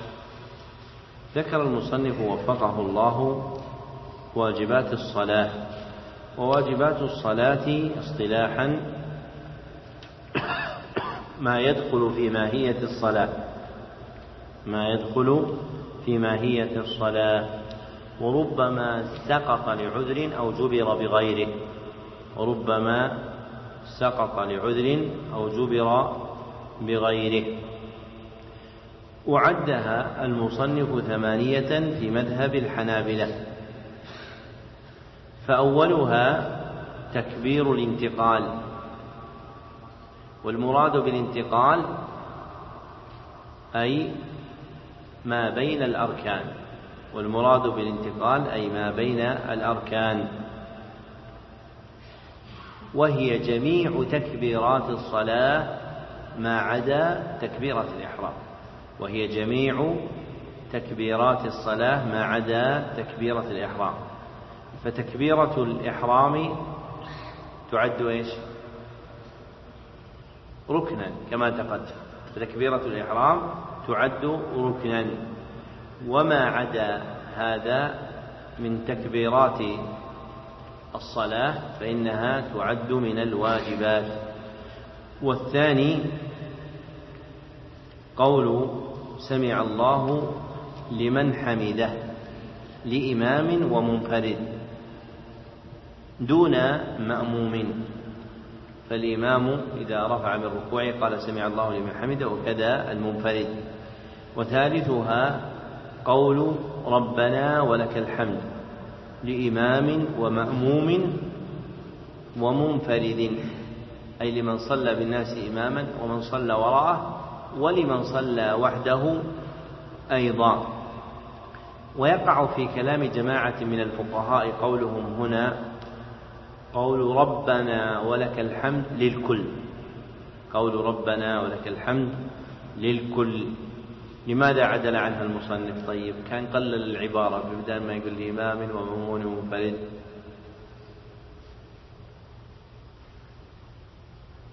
ما الجواب؟ الأولى دائما في التعليم اختصار العبارة لأن المقصود في التعليم الجمع. لكن عدل عنها هنا لماذا؟ نعم. اللي قبله يتعلق بمن؟ إمام ومنفرد إذا قال للكل دخل ومعهما المأموم أيضا. نعم. إيش؟ طيب يقول للكل فيعرف أنه لأي مصلي. المصلون لا يخرجون عن إمام مأموم ومنفرد ما في حل رابعة نعم. إيش؟ ما هو؟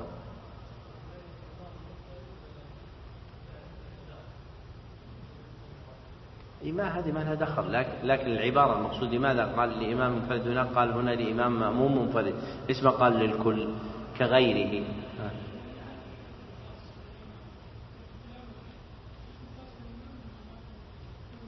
طيب والثاني هذا لو قال للكل يعني من؟ طيب لماذا عدل عنه؟ هنا السؤال. سؤال لماذا عدل عنه هذا تركيب أي أحسنت. للخلاف في فصاحتها. للخلاف وعدل عنها للخلاف في فصاحتها. في جواز دخول ال على كل وبعض ونحوهم. والراجح والله أعلم عدم فصاحتها. أو أنها خلاف الفصيح. خلاف الفصيح. والعلم ينبغي له أن يبنى على اللغة الفاضلة فإن المعاني الشريفة تكسى بالألفاظ الشريفة. ذكره أبو هلال العسكري. فإن المعاني الشريفة تكسى بالألفاظ الشريفة. ذكره أبو هلال العسكري. فإذا كان المعنى شريفا جعل له لفظ لفظ شريف.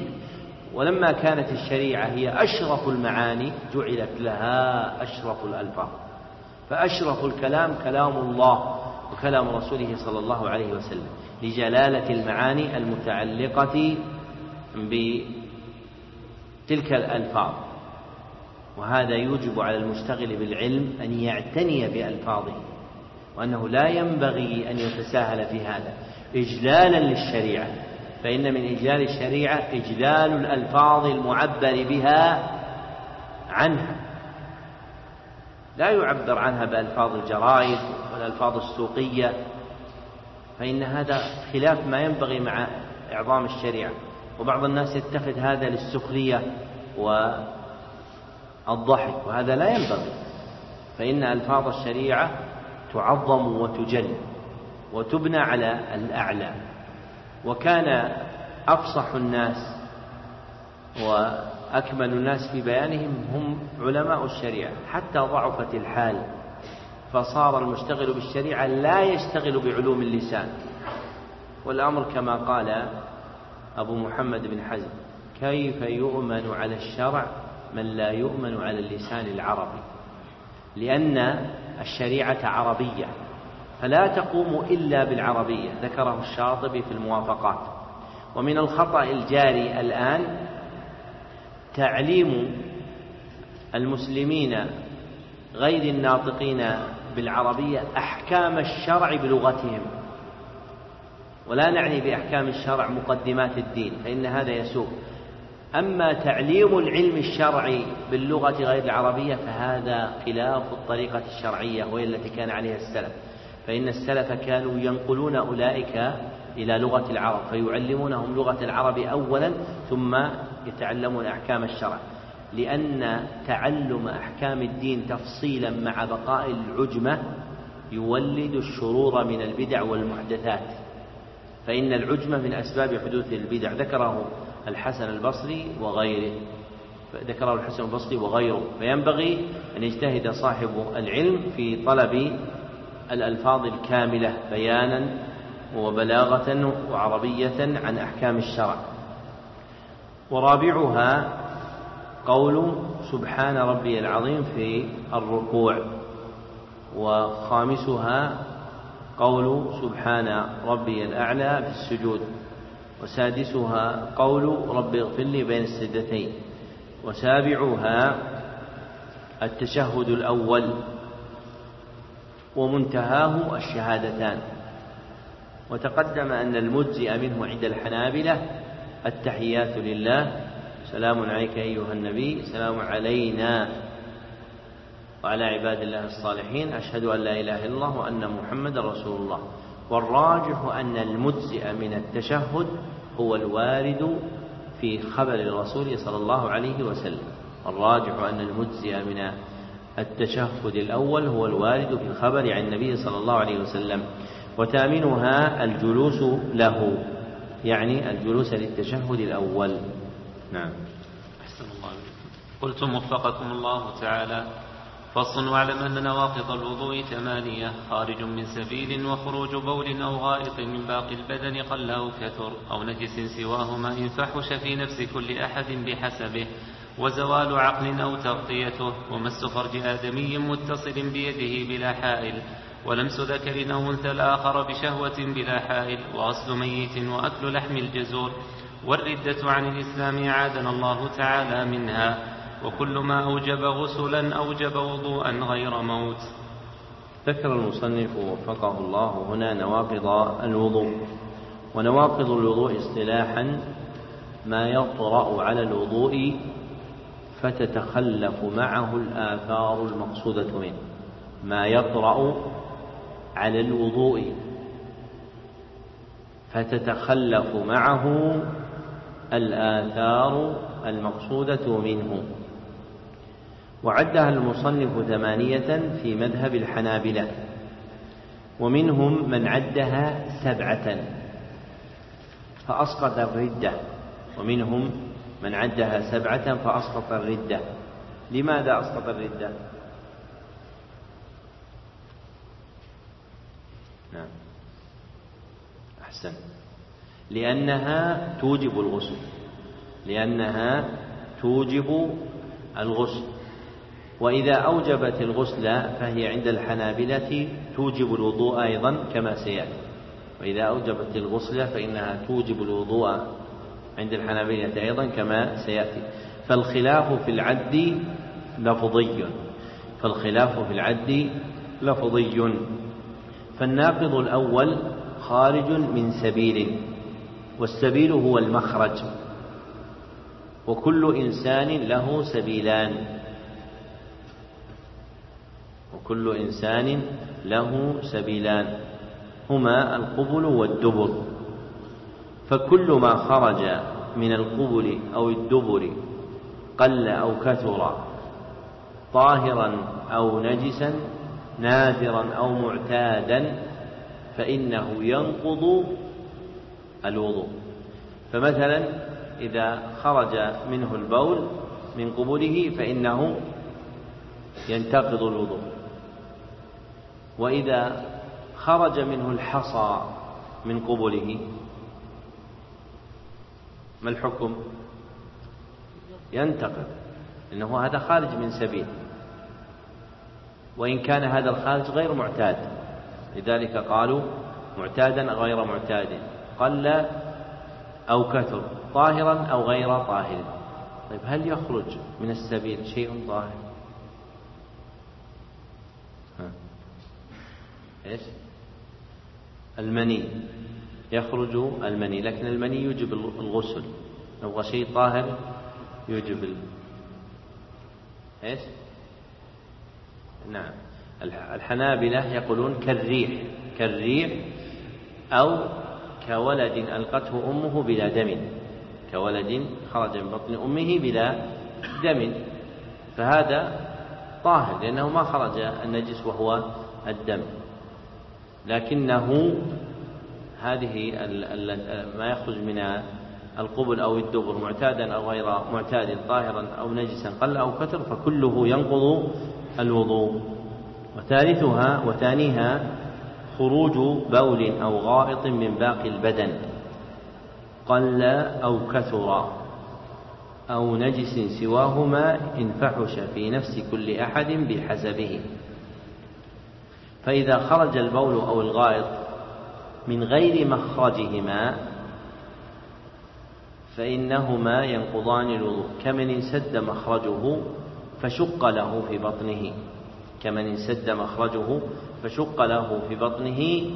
مخرج يخرج منه بوله أو غائطه. فإذا خرج منه البول أو الغائط قل أو كثر فإنه ينتقض وضوءه. ولو لم يخرج من السبيل.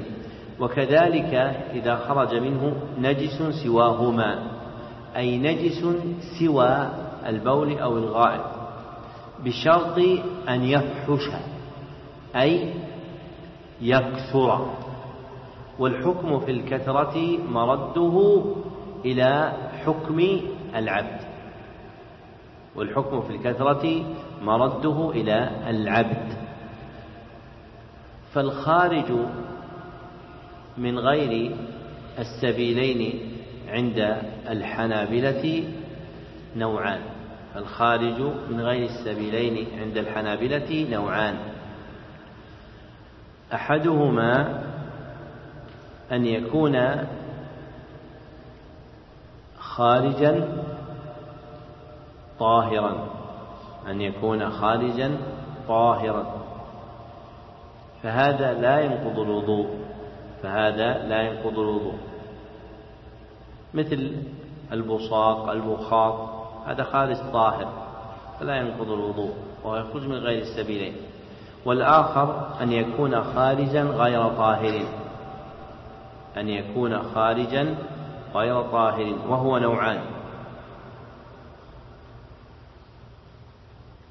النوع الأول أن يكون بولا أو غائطا. أن يكون بولا أو غائطا. فينقض مطلقا. فينقض مطلقا. أي قل أو كثر. والنوع الثاني أن يكون نجسا غير بول وغائط. أن يكون نجسا غير بول وغائط. كدم. فلا ينقض إلا إذا كان فاحشا. فلا ينقض إلا إذا كان فاحشا.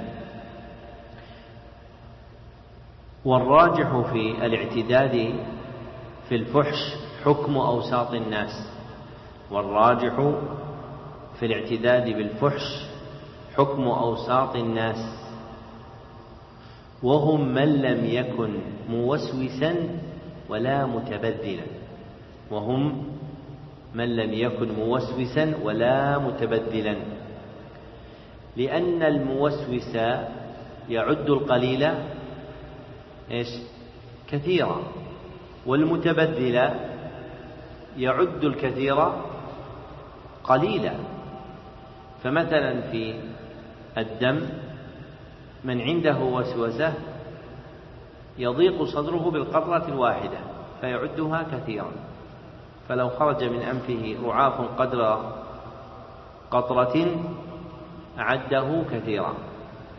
والجزار لو امتلأ صدره من الرعاف عده قليلا لأن المتعارف عليه عنده أن ملابسه كلها وبدنه عند الذبح يكون ممتلئا بالدماء. فالمعتد به الحكم بأوساط الناس. والراجح أيضا أن الخارج النجس من باقي البدن غير البول والغائط لا ينقض الوضوء. والراجح أيضا أن الخارج النجس سوى البول والغائط من باقي البدن. ولو فحشا فلا ينقض الوضوء. ولو فحشا فلا ينقض الوضوء. لكن تجب إزالة النجس. لكن تجب إزالة النجس. فلو قدر أن أحدا كان على وضوء فشج رأسه وخرج منه دم كثير وامتلأت ثيابه بالدماء. فينتقض وضوءه أم لا ينتقض؟ الراجح أنه لا ينتقض. لكن إذا أراد أن يصلي لا بد أن يزيل الدم عن ثيابه. وثالثها زوال العقل أو تغطيته. زوال العقل أو تغطيته. وزواله حقيقة إذا فقد أصله بالجنون. وزواله حقيقة إذا فقد أصله بالجنون. أو حكما بالصغر. أو حكما بالصغر. فإن العقل غير موجود فإن العقل غير موجود بكماله في الصغير. فإن العقل غير موجود بكماله في الصغير. وأما تغطية العقل فالمراد بها ستره مع وجود أصله. وأما تغطية العقل فالمراد بها ستره مع وجود أصله. كالمغمى عليه. أو النائم نوما مستغرقا. كالمغمى عليه أو النائم نوما مستغرقا. فإذا زال العقل أو غطي فإنه يجب على العبد أن يعيد وضوءه. فلو قدر أن خطيبا وهو يخطب الجمعة انفعل فأغمي عليه. ثم رش عليه رش عليه الماء فأفاق. ثم أتم خطبته. ثم صلى بالناس. فإن حكم الصلاة باطلة. إن حكم الصلاة باطلة. لماذا؟ لأنه غطي عقله بإغمائه. لأنه غطي بعقله بإغمائه. فلا بد أن يتوضأ ثم يصلي بعد ذلك بالناس. ورابعها مس فرج آدمي. قبلا كان أو دبرا. متصل أي غير منفصل. والمراد بالمنفصل البائن من البدن. والمراد بالمنفصل البائن من البدن أي المنقطع منه. والمراد بالمتصل الباقي في البدن. بيده بلا حائل يعني مباشرة بلا ساتر يستره فيفضي بيده إليه فيفضي بيده إليه. والراجح أنه لا ينقض الوضوء والراجح أنه لا ينقض الوضوء. وخامسها لمس ذكر أو أنثى الآخر لشهوة بلا حائل. والمراد بالشهوة التلذذ. فإذا وجدت اللذة فقد وجدت الشهوة. فإذا وجدت اللذة فقد وجدت الشهوة. فالتلذذ دليل وجودها. وقوله بلا حائل هي كما تقدم أي بالإفضاء بالمباشرة. فيلمس الذكر أو الأنثى الآخر فيلمس الذكر أو الأنثى الآخر مباشرة أي ببشرته مفضيا إليها بدون حائل بينهما. والراجح أنه لا ينقض أيضا. والراجح أنه لا ينقض أيضا. وسادسها غسل ميت.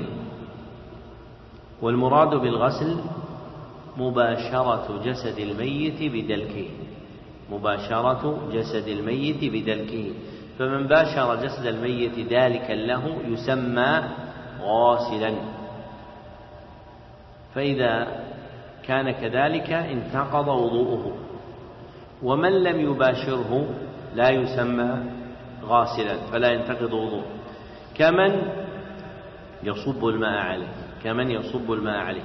أو من يحمله ليحوله من موضع إلى موضعه فيختص نقل الوضوء بغاسل الميت وهو المباشر له بدلك بدنه وسابعها أكل لحم الجزور والمراد بالجزور إيش؟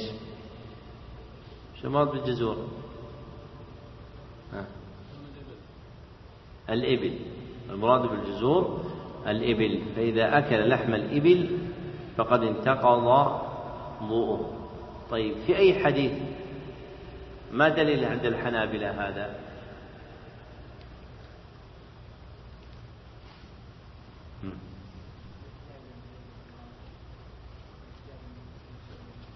لا لحظة قلت أول جابر عبد الله وقلت جابر. أي هو جابر بن سمرة رضي الله عنه.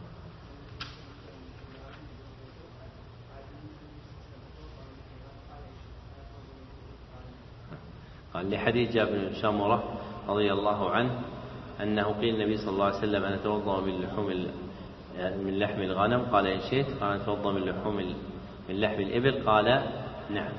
وكذلك في حديث البراء بن عازب. قال الإمام أحمد في حديثان صحيحان يعني حديث جابر بن سمرة والبراء بن عازب. طيب الحديث إيش فيه؟ لحم الإبل أم لحم الجزور؟ ها؟ لا الحديث ما فيه لحم الجزور فيه لحم الإبل. ما في حديث لحم الجزور. طيب لماذا عدل الحنابلة مع أنهم يوصفون باتباع الحديث ولا سيما الإمام أحمد منهم إلى لفظ لحم الجزور؟ نعم.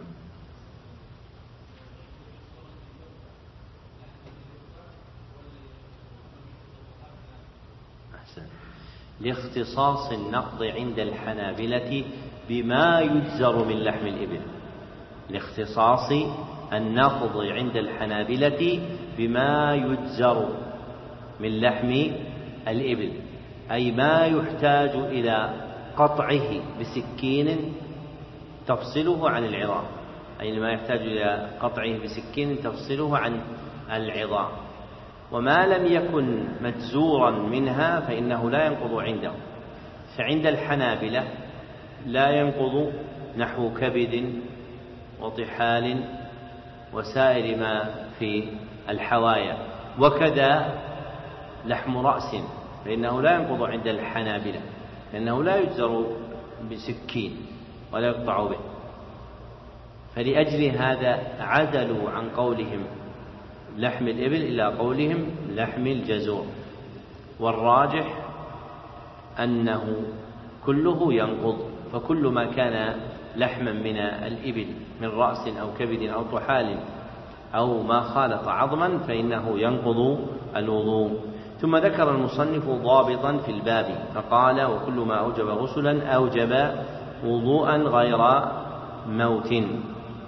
فموجبات الغسل عند الحنابلة توجب مع الغسل وضوءا. فمثلا من موجبات الغسل عند الحنابلة خروج المني دفقا بلذة فإذا دفق أحد المني بلذة وجب عليه الغسل. ويجب عليه عند الحنابلة مع الغسل أن يتوضأ. واستثنوا من هذا الغسل عن الموت. الغسل عن الموت يعني غسل الميت. فلا يجب معه الوضوء. وعللوه بقولهم لأنه عن غير حدث. وعللوه بقولهم لأنه عن غير حدث. فيستحب ولا يجب. فيستحب ولا يجب. والراجح أن ما أوجب غسلا لم يوجب وضوءا. ويكتفى بالغسل عن الوضوء. ويكتفى بالغسل عن الوضوء. فإذا اغتسل العبد اندفع عنه الحدث الأكبر وما دونه وهو الحدث الأصغر. ويسمى هذا ضابطا. لماذا؟ لماذا يسمى؟ كل ما أوجب غسلا أوجب وضوءا. يسمى ضابطا. لاختصاصه بتقييد. قاعدة في باب معين لاختصاصه بتقييد قاعدة في باب معين وهو باب نواقض الوضوء وهو باب نواقض الوضوء. وما جرى هذا المجرى فإنه يسمى ضابطا ولا يطلق عليه اسم القاعدة الكلية. وقاعدة المذهب أن نواقض الوضوء نوعان. وقاعدة المذهب عند الحنابلة أن نواقض الوضوء نوعان. أحدهما نواقض صغرى. نواقض نواقض صغرى. نواقض صغرى. وهي موجبات الوضوء التي تقدم. وهي موجبات الوضوء التي تقدمت. والآخر نواقض كبرى. نواقض كبرى. وهي موجبات الغسل سوى الموت. موجبات الغسل سوى الموت. هذه قاعدة المذهب في نواقض الوضوء. والراجح أن النواقض الكبرى لا توجب وضوءا والراجح أن النواقض الكبرى لا توجب وضوءا. نعم. أحسن الله. قلتم وفقكم الله تعالى. ومبطلات الصلاة ستة أنواع. ما أخل بشرطها أو بركنها أو بواجبها أو بهيئتها أو بما يجب فيها أو بما يجب لها.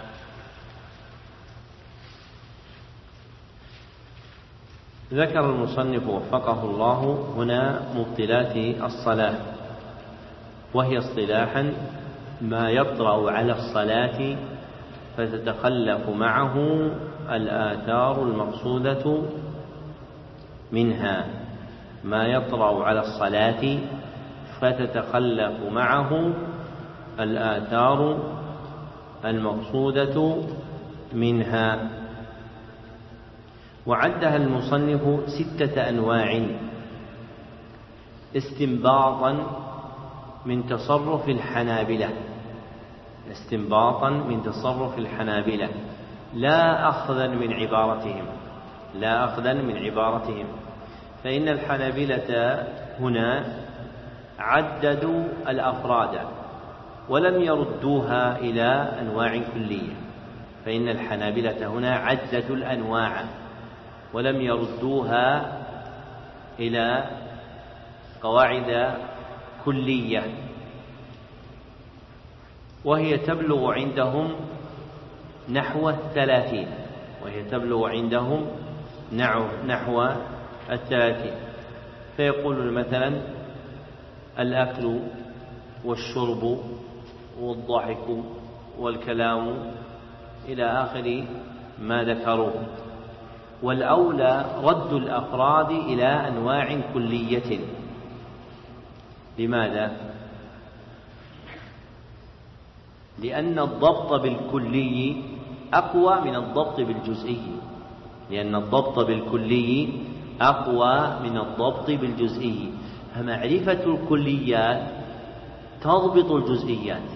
فمعرفة الكليات تضبط الجزئيات.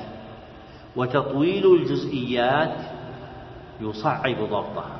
وتطويل الجزئيات يصعب ضبطها. فالأنواع الستة هي عند الحنابلة تصرفا. الأنواع الستة هي عند الحنابلة تصرفا لا عبارة. وأولها ما أخل بشرطها يعني بشرط الصلاة. بتركه أو بالإتيان به على غير وجهه الشرعي. وتقدم من شرط الصلاة استقبال القبلة. فإذا ترك هذا الشرط لم تصح صلاته فهي باطلة إلا في استثني فيما تقدم. أو جاء به على غير وجهه الشرعي. فمن شرط الصلاة كما تقدم رفع الحدث. فلو توضأ لرفع حدثه غير مرتب بأن غسل قدميه ثم مسح رأسه إلى آخره فإن صلاته لا تصح. لماذا؟ لأنه أخل بشرطها بالإتيان به على غير وجهه الشرعي. فالإخلال بشرط الصلاة نوعان. الإخلال بشرط الصلاة نوعان. أحدهما إخلال به بتركه. إخلال به بتركه. والآخر إخلال به بالإتيان به على غير وجهه الشرعي. إخلال به بالإتيان به على غير وجهه الشرعي. والثاني ما أخل بركنها أي بركن الصلاة بتركه أو الإتيان به على وجه غير شرعي. فإذا ترك ركنا من أركان الصلاة التي تقدمت لم تصح كأن يصلي بلا قراءة الفاتحة أو جاء به على غيره وجه الشرعي كما لو قرأ الفاتحة منكسة. فلا يصح أيضا. والقول فيه كالقول فيما سبقه. فالإخلال بركن الصلاة نوعان حسن فالإخلال بركن الصلاة نوعان. أحدهما إخلال به بتركه إخلال به بتركه والآخر إخلال به بالإتيان به على غير وجهه الشرعي إخلال به بالإتيان به على غير وجهه الشرعي وثالثها ما أخل ما أخل بواجبه بواجبها. بتركه أو الإتيان به على غير وجهه الشرعي كأن يترك ركنا كأن يترك واجبا من واجبات الصلاة كالتشهد الأول أو يأتي به على غير الوجه الشرعي. فالإخلال بواجب الصلاة نوعان الإخلال بواجب الصلاة نوعان. أحدهما إخلال به بتركه. والآخر إخلال به بالإتيان به على غير وجهه الشرعي. والرابع ما أخل بهيئتها أي حقيقتها وصفتها الشرعية التي تقدم أنها نظم الصلاة. فإذا جاء بالصلاة على غير نظمها الشرعي كأن يسجد قبل ركوعه فإن صلاته تبطل. والخامس ما أخل بما يجب فيها وهو وجود منافيها المتعلق بصفتها وهو وجود منافيها المتعلق بصفتها. أي ما يوجد جنسه في الصلاة أي ما يوجد جنسه في الصلاة. لكن يمنع مما يمنع منه. كالكلام. فإن جنس الكلام موجود في الصلاة كقراءة الفاتحة والتسبيحات. لكن إن تكلم بما لا يتعلق بالصلاة فإن صلاته إيش؟ باطلة. والسادس ما أخل بما يجب لها. وهو موجود منافيها الذي لا يتعلق بصفتها. وهو وجود منافيها الذي لا يتعلق بصفتها. كمرور كلب أسود بين يديه. كمرور كلب أسود بين يديه. فهذا تبطل به الصلاة عند الحنابلة. لأنه أخل بما يجب لها في غير فيما لا يتعلق بصفتها. وبه يظهر الفرق بين الخامس والسادس فإن الخامس يتعلق بصفتها والسادس لا يتعلق بصفتها. والمراد بالتعلق بالصفة وجود جنسه فيها. والمراد بالتعلق بالصفة وجود جنسه فيها. على ما تقدم بيانه. فجنس الكلام موجود في الصلاة. أما مرور الكلب فجنسه غير موجود في الصلاة. وبهذا نكون قد فرغنا بحمد الله من بيان معاني هذه الرسالة التي تضم مسائل من مهمات الديانة فيما يتعلق بالطهارة والصلاة. اكتبوا طبقة السماع. سمع علي جميعا في البياض الأول. يسمى بياض ما يسمى فراغ. يسمونه أهل العلم بياض الفراغ هذا لفظ حادث فهو بياض يقال بيض له يعني إذا جعل موضعا للبياض. جميعا لمن حضر لمن سمع الجميع. ومن عليه فوت يكتب كثيرا ويعرف فوته لعله يستدركه فيما يستقبل. جميع المفتاح في الفقه على مذهب الإمام أحمد بن حنبل. في البياض الثاني يكتب بقراءة غيره. والقارئ يكتب بقراءته. بقراءة غيره. صاحبنا فلان ابن فلان يكتب اسمه تاما. يكتب اسمه تاما. فتم له ذلك في مجلس واحد بالميعاد المثبت في محله من نسخته. أين محله من نسخته؟ ها؟ إيش؟ لا محله من نسختك أنت. الكتاب الرابع ما ينضبط بها هذه. ها؟ الميعاد الميعاد من محله من نسختك. ما المراد به؟ إيش تكتب؟ اي أحسن. المقصود بالميعاد المثبت في محله من نسخته يعني توقيت المجالس سواء مجلس واحد أو أكثر. الإنسان إذا بدأ في درس يكتب بداية المجلس الأول. مثلا اليوم بداية المجلس انه في مجلس واحد هذا. بداية المجلس بعد فجر السبت الثامن عشر من المحرم سنة ست سبع وثلاثين أربعين ألف. الساعة كذا. هذه الساعة زيادة لما أمكن الضبط. ولا الأصل كانوا يوقتون بهذا التوقيت. فإذا انتهى يكتب آخر المجلس. آخر المجلس في اليوم السابق ذكره. إذا كتب الساعة هنا فنعم ما هي. لو تعددت المجالس يكتب كل مرة بداية المجلس نهاية المجلس بداية المجلس نهاية المجلس. فإنك بهذا تضبط علمك.